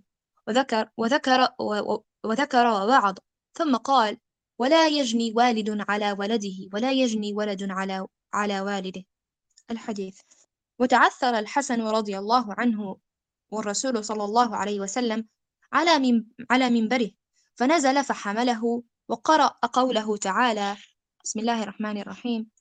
إنما أموالكم وأولادكم فتنة. الآية. أخرجه أصحاب أصحاب السنن من حديث بريدة في, الحسن والحسين معا يمشيان ويعثران. قال الترمذي حسن غريب. وفي تقديم سيدنا إبراهيم عليه السلام لأمر الله بذبح ولده في تنفيذ الإبن قدوة وأسوة لمن لمن يعتبر. القاعدة الثانية أن تكون مضيافا كريما شجاعا محب محبا للعلم. روى الحاكم عن الأسود بن خلف والطبراني عن خولة بن حكيم قال أخذ النبي صلى الله عليه وسلم حسنا فقبله ثم قال إن الولد مبخلة مجبنة مجهلة محزنة. وروى الإمام أحمد والترمذي عن خولة بنت حكيم رضي الله عنها أن رسول الله صلى الله عليه وسلم خرج محتضنا إحدى إحدى ابني ابنته وهو يقول والله إنكم لتبخلون وتجبنون. وتجهلون وإنكم لمن ريحان الله. قال الزمخشري في الفائق معناه أن الولد أن الولد يوقع أباه في البخل إبقاء على ماله له وفي الجهل شغلا به عن طلب العلم وفي الجبن خوفا من أن يقتل فيضيع ولده, ولده بعده. وفي الحزن أنه يحزن لأمره وشأنه. وقوله وإنكم لمن ريحان الله يعني أنهم يشمون ويقبلون فهم في جملة الرياحين التي أنبتها الله. فما دام الولد مبخلة يورث في نفس الوالدين الشح والبخل. وذلك من شدة حبهما لأولادهما في تخزين المال لهم. فعلاج الأمر بإكرام الضيف. وذلك كما فعل الصحابة رضي الله عنهم. وفرح به رسول الله صلى الله عليه وسلم. وتعجب الله تعالى من ذلك الإكرام. أخرج البخاري ومسلم. عن أبي هريرة رضي الله عنه قال جاء رجل إلى رسول الله صلى الله عليه وسلم فقال إني مجهود فأرسل إلى بعض نسائه. فقالت والذي بعثك بالحق ما عندي إلا ماء.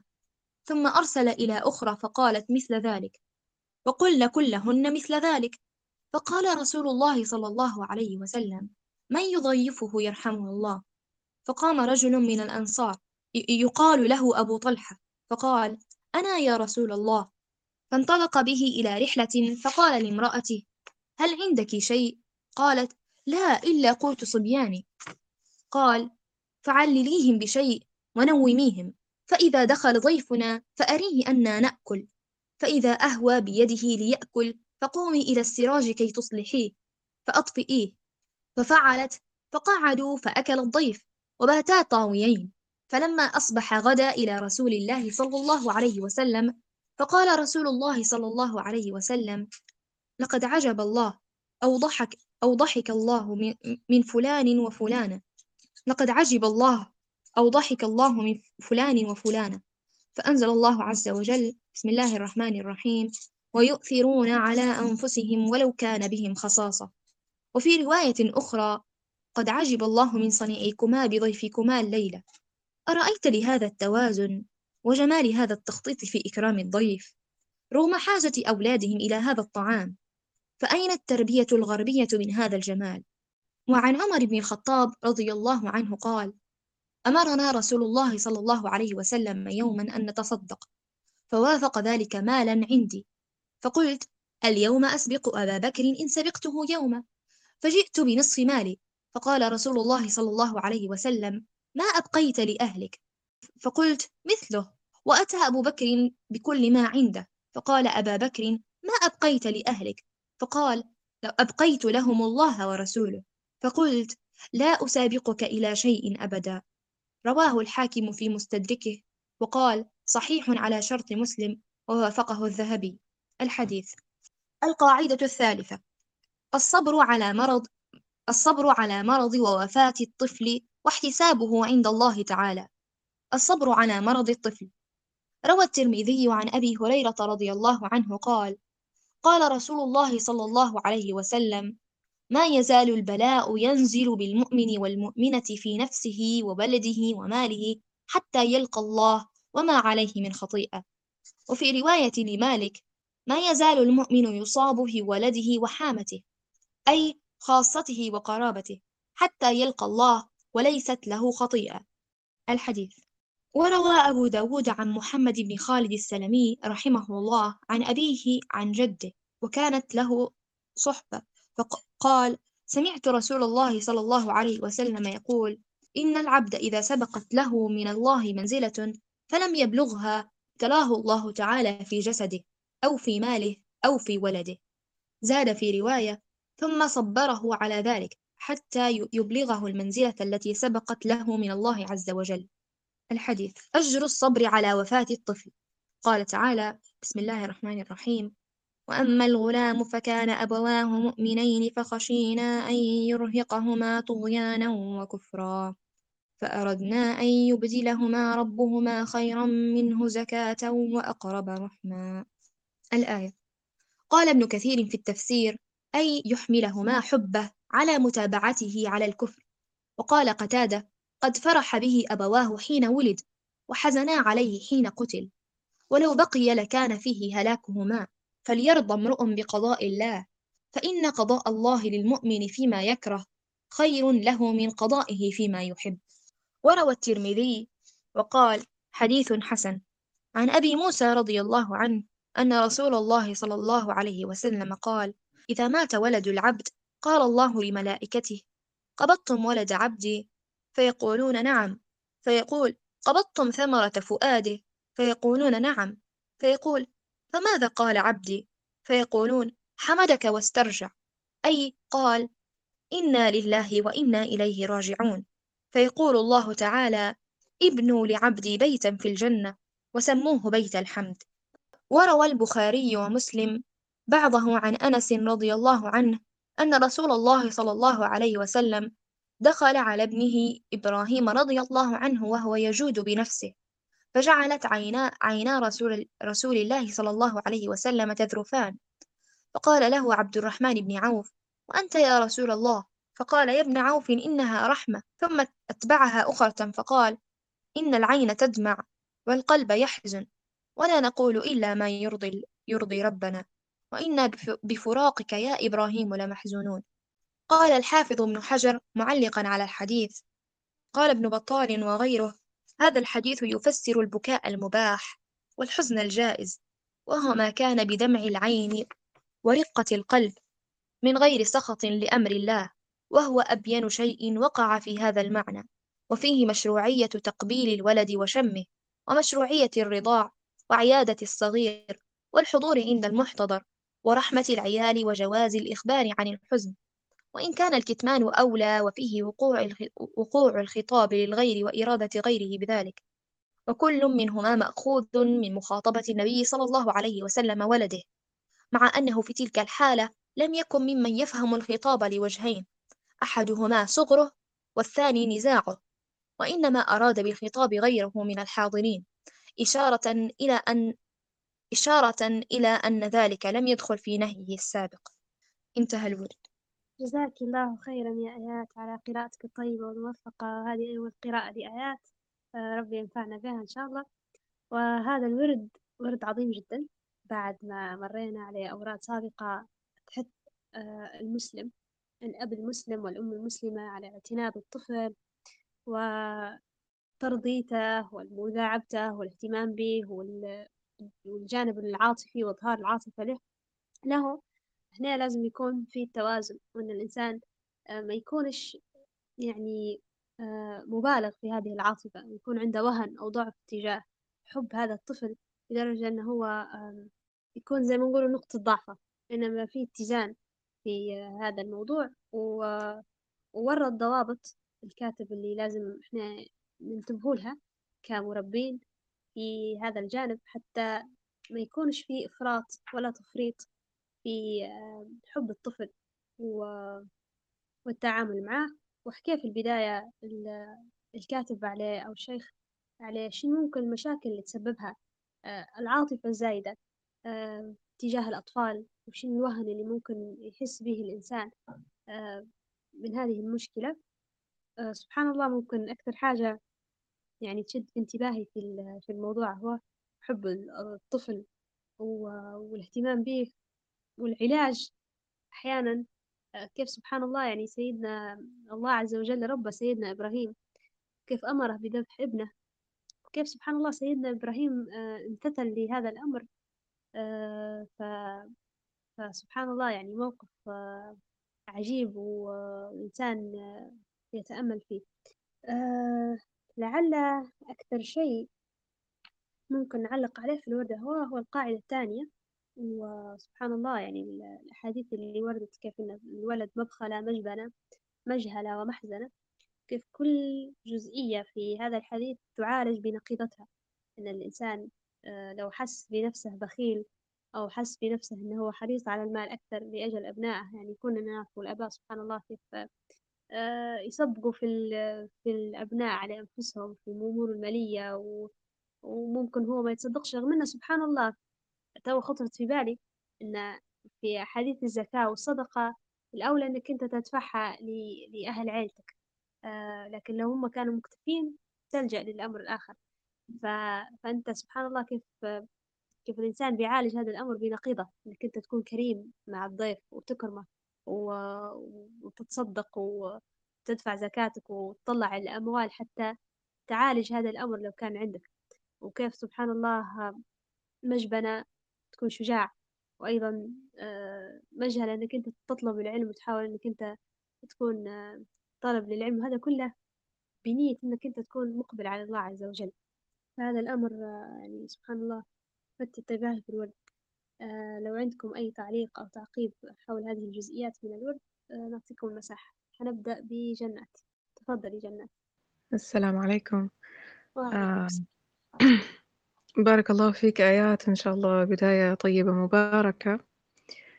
آه، في الورد هذا كذلك القاعدة الثانية اللي علقت عليها هاجر. آه، إن الولد مبخلة مجبنة مجهلة محزنة. والحديث الثاني آه، إنكم لتبخلون وتجبنون وتجهلون وإنكم لمن ريحان الله. النقطة فيه إن يعني هذه فطرة. الله سبحانه وتعالى عارف إن هي فطرة ولهذا كان التوجيه آه، على لسان الرسول عليه الصلاة والسلام إنه هو وضح الشيء هذا. آه وكيف إن آه ما فيش يعني إن هي كيف تنضبط عند الإنسان أو عند الوالدين إلا بضابط شرعي. يعني شن بيخلي الإنسان يخالف فطرته الطبيعية هذه؟ إلا بإنه يكون أمر شرعي. فرغم آه، إن آه، حتى شرعًا هو كلكم راع ومسؤول عن رعيته، وصحيح إنه هو بيفكر في آه، أبنائه سواء من الناحية المادية سواء من ناحية يعني الجوانب المذكورة إنه هو الجبن على خاطر إنه هو فرضًا لو مش هيجاهد أو كذا يخاف إنه هو آه، يموت مثلًا ويقعدوا بعده وهكذا، لكن آه، لما يستحضر النصوص الشرعية والضوابط الشرعية كلها مع بعضها هذا وين آه، تتضح يعني آه، القرار السليم أو شنو التصرف السليم اللي يقدر الإنسان هو آه، يتخذه.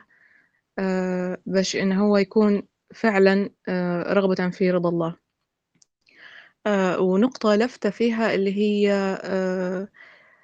صحيح إنه هو مبخلة ومجهلة لكن حاليا في واقعنا المعاصر سواء الأمهات أو الآباء وقد تكون أظهر في الآباء الأب آه، مستعد إنه هو يصرف وقته كامل شبه حياته كاملة قد تكون بعيدة حتى على أبنائه سواء بعيدة في بلاد تانية أو في نفس البلد لكن يكون يصرف جل يومه في العمل آه، لغاية إنه هو بيوفر لهم العيش الكريم واللي هو أحيانا يعني حاجة ما توقفش ما عندهاش سقف الواحد يقعد يستزيد من المال على أساس إنه هو آه، رغبة في إنه هو يكفي أبنائه آه، ويوفر لهم حياة كريمة آه، ولكن في المقابل طلب العلم واللي هو العلم الشرعي خصوصا وفي على الكفة الأخرى الأمهات نفس الشيء. قد يكون مقبول عندنا أن الأم كذلك تطلع تشتغل لزيادة دخل البيت مثلا إلى حد ما في المعيار المجتمع هذول الصورتين مقبولات. لكن نقطة طلب العلم الشرعي صعب إن هي تكون إلا لو كان مستحضر الجانب الشرعي في الموضوع. آه، في أمهات حتى لو هي ما تشتغلش حتى لو هي قاعدة في الحوش لكن قد تكون آه، منشغلة يعني عذرها بينها وبين نفسها أو حتى عند الناس إن هي منشغلة بأبنائها.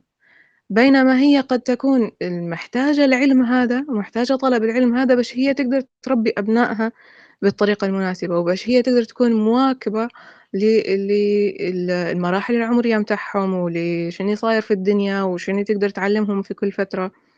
نفس الشيء للآباء يعني قد تكون صورة متقبلة إن أب يشتغل جل يومه ويروح متعب للبيت وممكن هو مش ملحق حتى يحصل وقت مع أبنائه.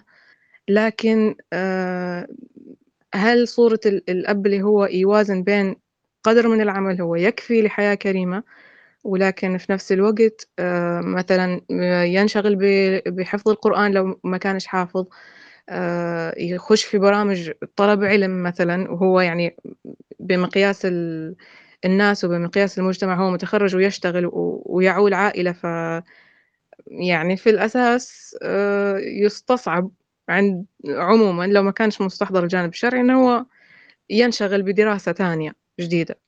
مع إنه لو كان طلبا في رفعة رفعة الدرجة العلمية إنه هو ياخذ ماجستير أو ياخذ الدكتوراه وتزيد تزيد الدرجة العلمية متاعه فيزيد المرتب متاع هذه الصورة متقبلة. فبس هيك لفة سريعة إن هي يعني من استخ... من خلاصة الحديث ومقارنة بالواقع المجتمع. بارك الله فيك جنات. جزاك الله خيرا على هذه اللفة الجميلة. وكتعقيب على موضوع سبحان الله كيف الأمر هذا فطري في النفس البشرية آه، حب الأطفال وحب حب الذرية يعني. والأصلا سبحان الله الأحاديث النبوية مثلا لما ذكرنا في آه، موت الطفل آه، سبحان الله حديث يعني الحديث القدسي لما الله عز وجل يقول للملائكة قبضتم ثمرة فؤاده. يعني هو هذا الطفل يعني للأبوين شيء عظيم. يعني ما هيش حاجة بسيطة جدا. ولكن سبحان الله الأمر لله من قبل ومن بعد. وهذه التربية آه، الإيمانية والعقدية وإن إحنا قاعدين نرجع للأمر إنه هو لله عز وجل. وإن وإن إحنا لازم نكونوا عبيد لله عز وجل. إن إحنا نكونوا أحرار من فكرة العبودية لأي شيء غير الله عز وجل. سواء حب لأبناء أو حب لزوجة أو أو لمهنة أو لوظيفة أو لأيا كان. الإنسان لازم يكون حر تمام الحرية من هذه كل هذه الأمور يكون عبد فقط لله عز وجل. سبحان الله يعني هذه التدريبات أو هذه التربية الإيمانية اللي موجودة في ديننا الإسلامي حتى يكون الإنسان آه، عبد لله بالوجه الذي يرضاه الله عز وجل آه، عظيمة جدا سبحان الله. وغيرها يعني سبحان الله مش بس إنك أنت قاعد تتربى لا قاعد تؤجر على هذه التربية. فالله سبحان الله كريم ولطيف آه، رحيم بنا. فهذه حاجة كي لفتت انتباهي. أنا استفضل بارك الله فيكم. بس ذكرت يعني شيخ الدكتور دكتور عبد الرحمن الهاشمي في في واحد من محاضراته ذكر قصة إياد قنيبي.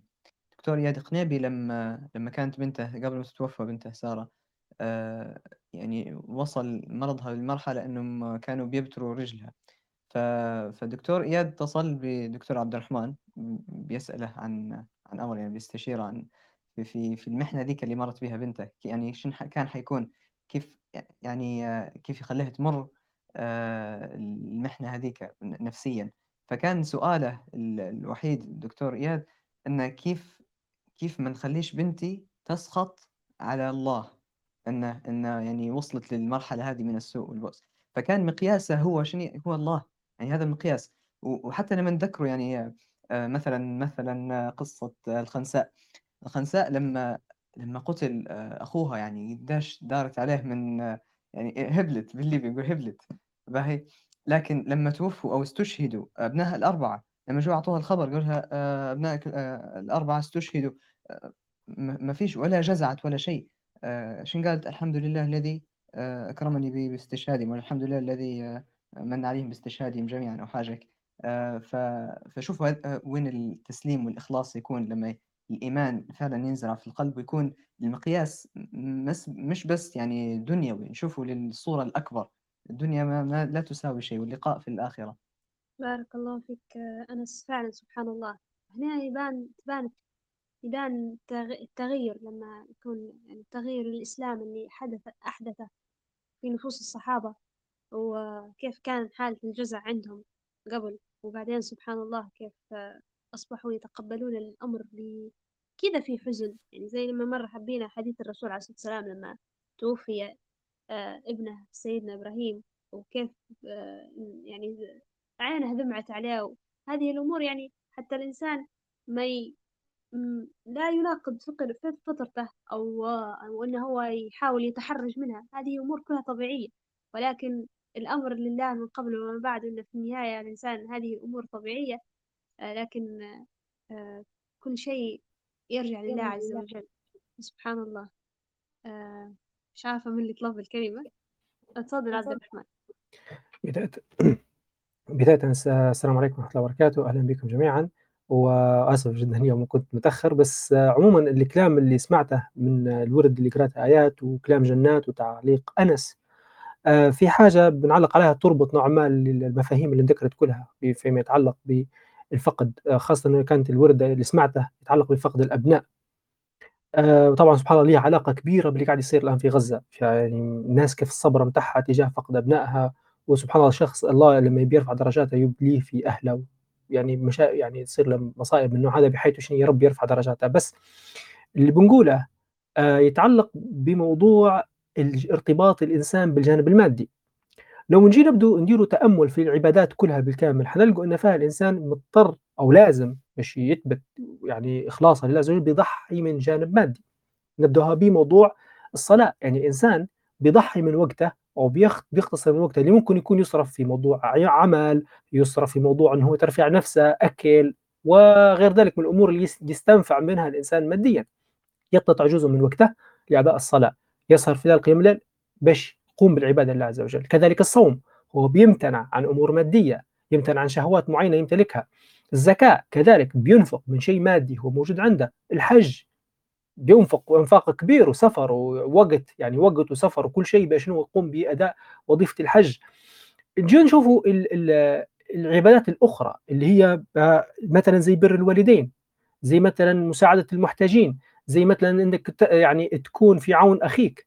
يعني كنت مرت يعني يعني مشي في يعني الحديث بمعناه لو حد مشي في حاجة أخيه يعني الله يكون في حاجته.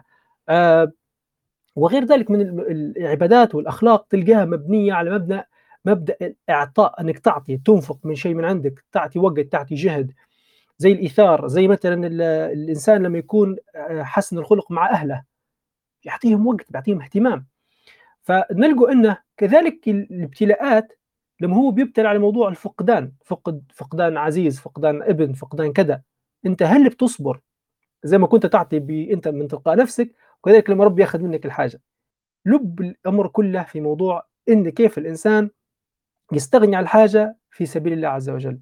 يعطي الشيء في سبيل الله عز وجل. يقرض الله من ماله من وقته من أحبائه من لدرجه إنه يوصل لأعلى مستويات الإنفاق. الإنسان ينفق نفسه يكون شهيد في سبيل الله. إنه هذه خلاص هذه خلاص جزاءها مباشرة يكون الجنة. هذا اللي حبيت نقوله وأسف على الإطالة. بارك الله فيكم. بارك الله فيك عبد الرحمن. جزاك الله خيرا على هذه المداخلة الطيبة. فعلا سبحان الله. قدرة الإنسان على الإنفاق لله عز وجل. أن يرجع هذه الأمور لله عز وجل. في النهاية الله عز وجل هو المالك الحقيقي لكل ما نملك في الدنيا. إحنا مش ملاك إنما إحنا فقط وضعت هذه الأشياء بين يدينا. بارك الله فيك عبد الرحمن الرحمن. آه، تفضلي نور. آه، كلام عبد الرحمن خلاني أفكر في حاجة يلي هي إن العبادة لما تتحقق بكامل معانيها يعني سواء صلاة سواء صيام سواء صدقة وغيرها من العبادات لما تقدم وتحقق وتقام بالصورة الكاملة سواء كأركان الخاصة بها أو حتى من الجانب النفسي في أدائها فالعبادة حينها تساوي تربية. يعني ما يكونش بس أثرها العبادة هذه فقط الأجر وتحقيق الفريضة اللي أمرنا الله بها فقط. أبدا مش هيك بس. في تأثير نفساني عظيم جدا وهذا ما الكلام نفسه يطابق ما قال عبد الرحمن.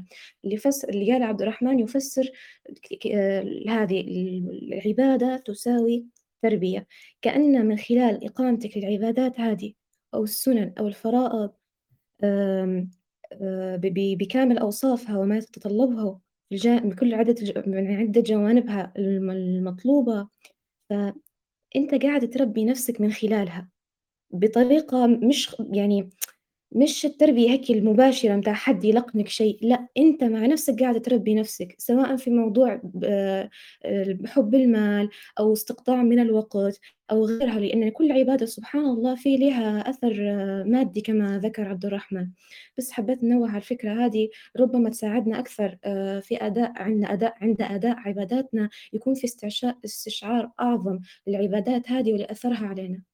بارك الله فيك نور آه، سبحان الله كيف فعلا العبادات تربي وتزكي النفس البشرية. وهذا هذا الشيء اللي يعني أتى به النبي عليه الصلاة والسلام يزكينا وي- ويعلمنا. بارك الله فيك نور. آه، عبد الرحمن تفضل.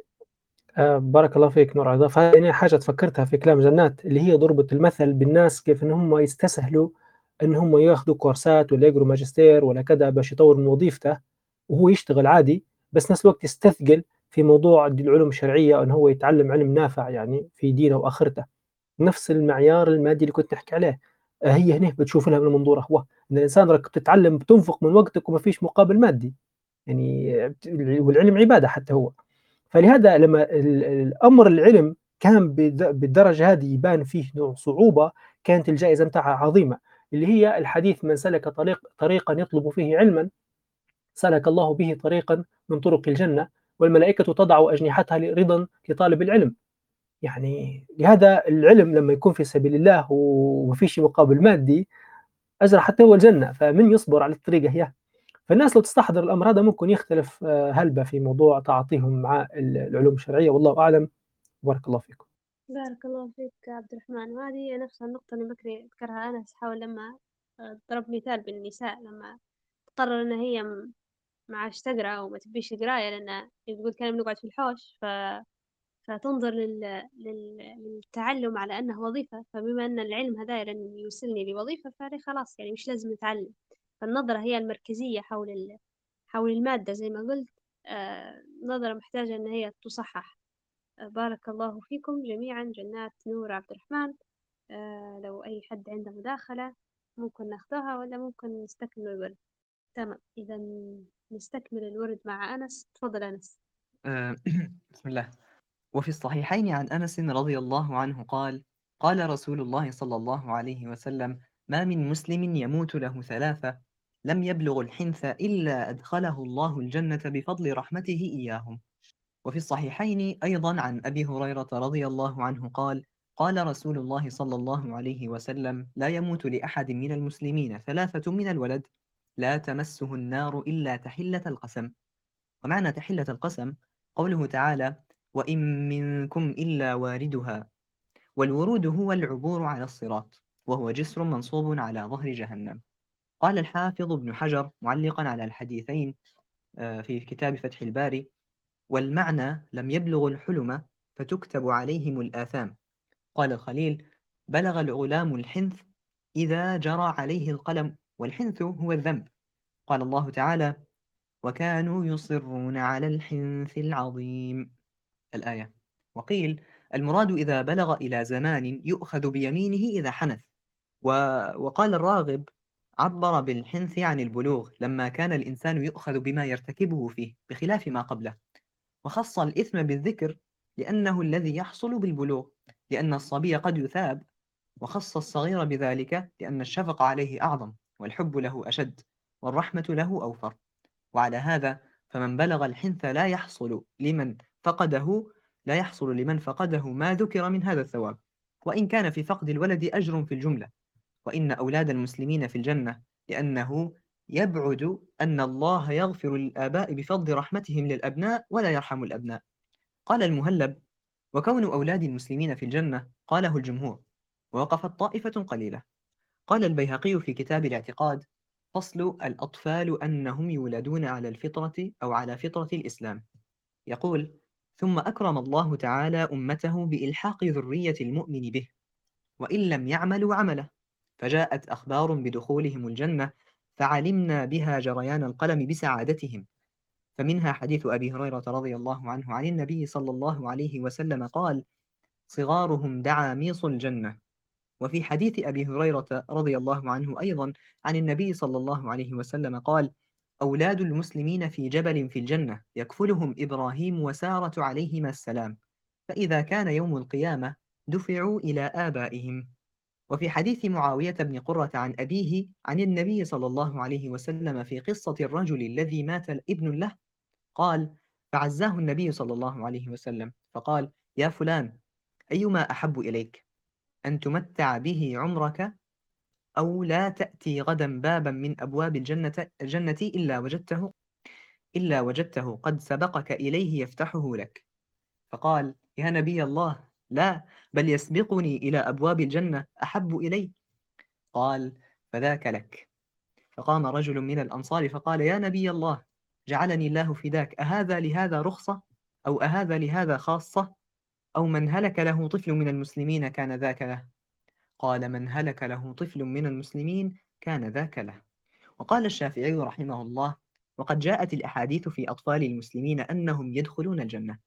وعن أم حبيبة أنها كانت عند عائشة رضي الله عنها فجاء النبي صلى الله عليه وسلم حتى دخل عليها. فقال ما من مسلمين يموت لهما ثلاثة من الولد. لم يبلغ الحنث إلا جيء بهم يوم القيامة حتى يوقفوا على باب الجنة. فيقال لهم ادخلوا الجنة. فيقولون حتى يدخل آباؤنا. فيقال لهم ادخلوا الجنة أنتم وآباؤكم. رواه الطبراني في الكبير بإسناد حسن جيد. وعن عقبة بن عامر عن رسول الله صلى الله عليه وسلم قال من أثكل ثلاثة من صلبه فاحتسبهم على الله في سبيل الله عز وجل وجبت له الجنة. رواه أحمد والطبراني ورواته ثقات. وفي الصحيحين عن أبي زيد أسامة بن زيد بن حارثة مولى رسول الله صلى الله عليه وسلم وحبه وابن حبه رضي الله عنهما قال أرسلت بنت النبي صلى الله عليه وسلم أن ابني قد احتضر فاشهدنا. فأرسل يقرئها السلام ويقول إن لله ما أخذ وله ما أعطى وكل شيء عنده بأجل مسمى فلتصبر ولتحتسب. فأرسلت إليه تقسم عليه ليأتينها فقام ومعه سعد بن عبادة ومعاذ بن جبل وأبي بن كعب وزيد بن, ابن ثابت ورجال رضي الله عنهم فرفع إلى رسول الله صلى الله عليه وسلم الصبي فأقعده في حجره ونفسه تقعقع ففاضت عيناه صلى الله عليه وسلم فقال سعد يا رسول الله ما هذا؟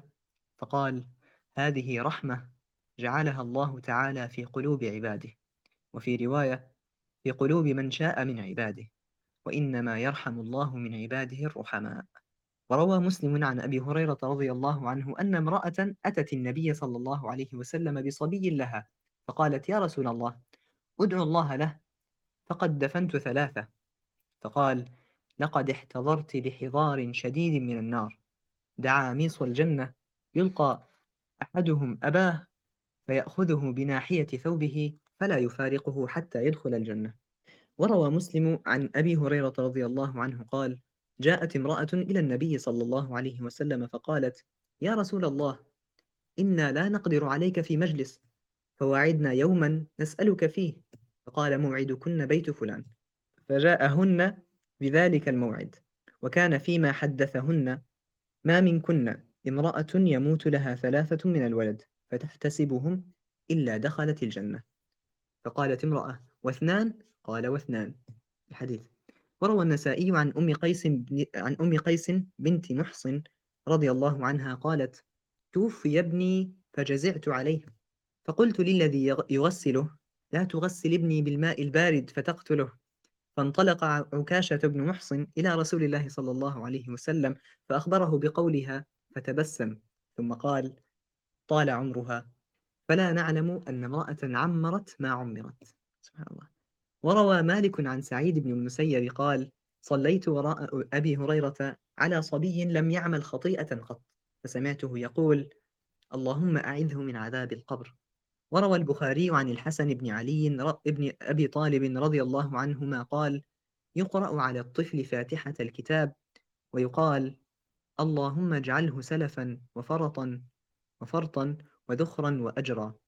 وروى عبد الرزاق في مصنفه عن مكحول قال قال رسول الله صلى الله عليه وسلم وإن ذرار المؤمنين في شجرة في شجرة عماد الجنة يكفلهم أبوهم إبراهيم عليه السلام وروى أيضا عن محمد بن سيرين قال قال رسول الله صلى الله عليه وسلم دعوا الحسناء العاقرة وتزوجوا السوداء الولود فإني أكاثر بكم الأمم يوم القيامة.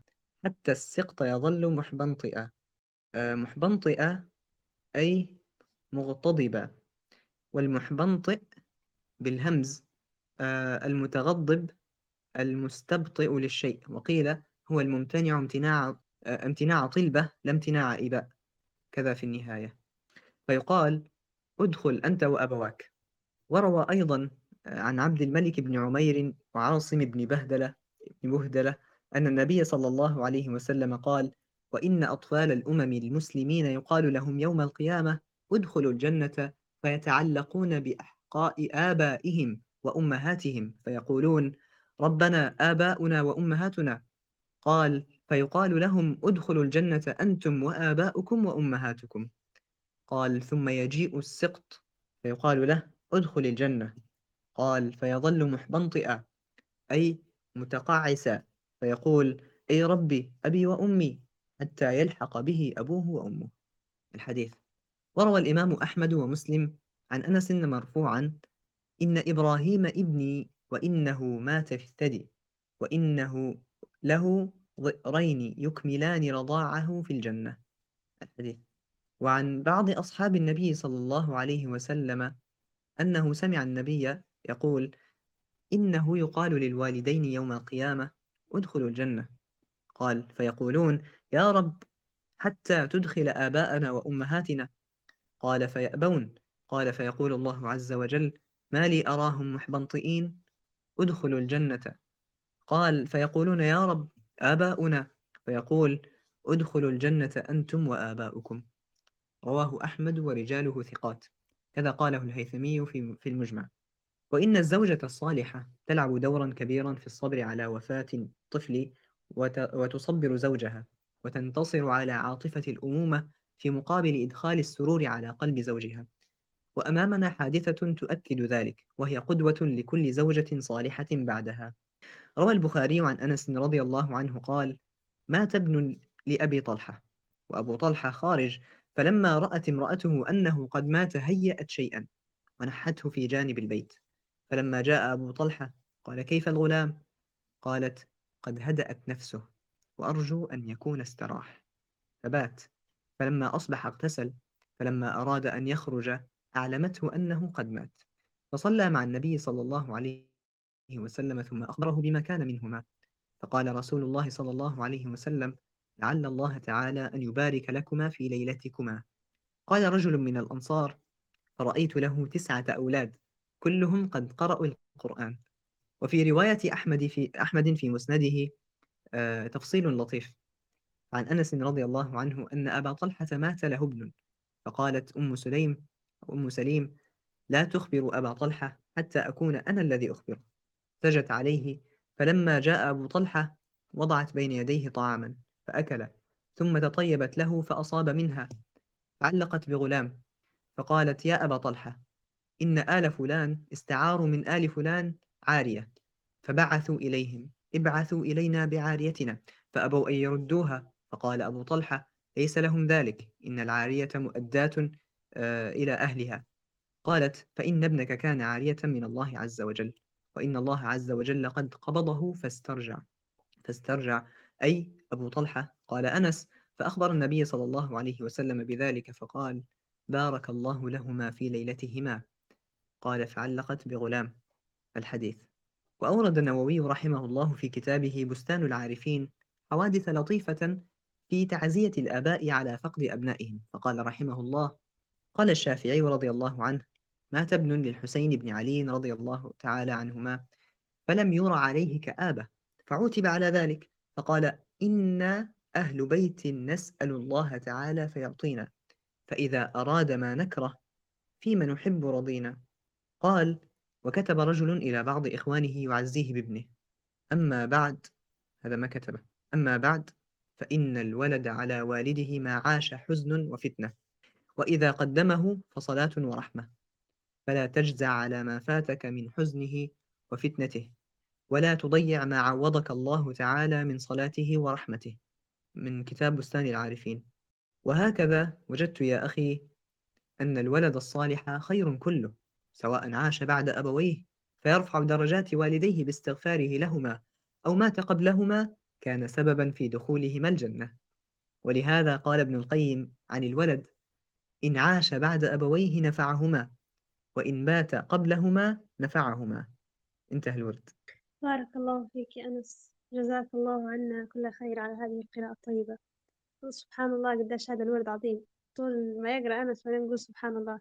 سبحان الله كيف أن هذا الأمر أمر تربية الأبناء وإنجابهم آه بعيد يعني يعني أهدافه وغاياته عظيمة جدا وبعيدة عن أن يكون الإنسان فقط عنده ذرية من صلبة و- ويحنو عليهم ويربيهم إنما لا الموضوع أبعد من ذلك بكثير. و يعني سبحان الله لما الإنسان يربط أي شيء هو قاعد يعني يرغب فيه أو يصبو إليه بالدين وبالله عز وجل ورضا الله عز وجل وإنه هو يكون فيه عبودية يحصل من الخير الكثير. وحاجة ثانية ممكن ها- استذكرتها لما أنا يقرأ في الورد إن أمر إنجاب الأبناء والزواج أمر عظيم في ديننا الإسلامي. لما يكون مربوط بغاية عظيمة زي الجنة ودخولها آه، عكس ما توا ما يروج له آه، من يعني الشباب يكرهوا فيهم في الزواج وفي الإنجاب وطفل واحد و- ولا ما تتزوج والزواج مسؤولية وغيرها من هذه الأمور يعني. بينما لما لما يؤسس أي شيء في دي في في الحياة على أساس صحيح الرؤية تختلف والبعد يختلف والغايات تختلف والأهداف كلها تختلف والثمار أيضا تختلف سبحان الله. ف... فسبحان الله ورد عظيم جدا جدا جدا. كيف كيف للمرأة دور كبير في تصبير زوجها على فقدان ابنها. هنا نرجع لعملية التعلم والتعليم اللي حكينا عليها من بكري للمرأة وقديش ما هي مهمة جدا وأن تعليمنا قاصر حاليا في إخراج آه، جيل مسلم بعقلية صحيحة وبما يحتاجه فعلا. أيضا آه، ذكرت حاجة أثناء قراءة هنس آه، استذكار أو أو وضع هذه الأحاديث في البال أحاديث فقدان الإبن وغيرها من هذه الأمور وأن آه، في النهاية كلنا إحنا ميتين يعني كلنا حنموت وكلنا يعني سواء آه، يعني آه، هذا الإنسان أو هذا الطفل كبر ولا لا. فواحدة من الحاجات اللي نتذكر فيها واللي ذكرها الدكتور ذاكر إنه لما أنجبت زوجته أول طفلة ليهم ويعني في خضم الفرحة وهي يعني كيف ما جيبوا كيف جابوا لها البنية فكانت تشبح لها بزوجته يعني تشبح لابنتهم بحب وبحنان وإنه يعني هذه الطفلة اللي منتظرة. فقال لها راهو في يوم اللي مات حتموت. هيك مباشرة. ف أو في يوم من الأيام حتتزوج. ف... فدي ما حطي في بالك النقطة هذه. فهي قالت لها باهي زي ما نقول مازال يعني ما تذكرنيش. لا حطها في بالك. من من تو من وانتي تشفي فيها من لما عمرها ذاك ساعات بس. فاستحضار هذا الأمر إيه، حتى يخلي الإنسان آه، في تربيته يعني لما يح- يحطها في باله التربية حتى هي تختلف. والتعلق يختلف والأمر يكون أقل وطأة على النفس لو هو صار لا قدر الله وحصل آه، فقد طفلة. وسبحان الله الأحاديث النبوية اللي ذكرت على الأطفال في الجنة وكيف إن هم ينتظروا في دخول آبائهم وأمهاتهم الجنة. آه، ما يقولش الإنسان إلا ديننا دين عظيم وللأسف إن إحنا جاهلين بهذه بكل هذه الأمور. آه، جهل كبير. آه، هذا ما لدي. فلو عندكم أي تعليقات أو تعقيبات نعطيكم الكلمة. لو في أي تعليق أو تعقيب حول الورد اللي ذكره أنس فممكن ناخدوه ولا إذا نحن وصلنا لختام الجلسة هذه. تمام. إذا نختم هذه الجلسة المباركة والطيبة جدا كانت اليوم. جزاكم الله خير على كل تعقيباتكم تعليقاتكم وحسن استماعكم لهذه الجلسة. نلقاكم بإذن الله الثلاثاء القادم. آه، ونذكركم ونذكر نفسي بعدم آه، نسيان الدعاء لأهلنا في غزة وأهلنا في السودان. آه، وفي كل بلاد المسلمين الم... في كل بلاد الإسلام وكل المستضعفين. ألا تنسوهم من حسن دعائكم ونختم بكفارة المجلس. سبحانك اللهم وبحمدك أشهد أن لا إله إلا أنت نستغفرك ونتوب إليك. بسم الله الرحمن الرحيم. والعصر إن الإنسان لفي خسر إلا الذين آمنوا وعملوا الصالحات وتواصوا بالحق وتواصوا بالصبر. والسلام عليكم ورحمة الله وبركاته.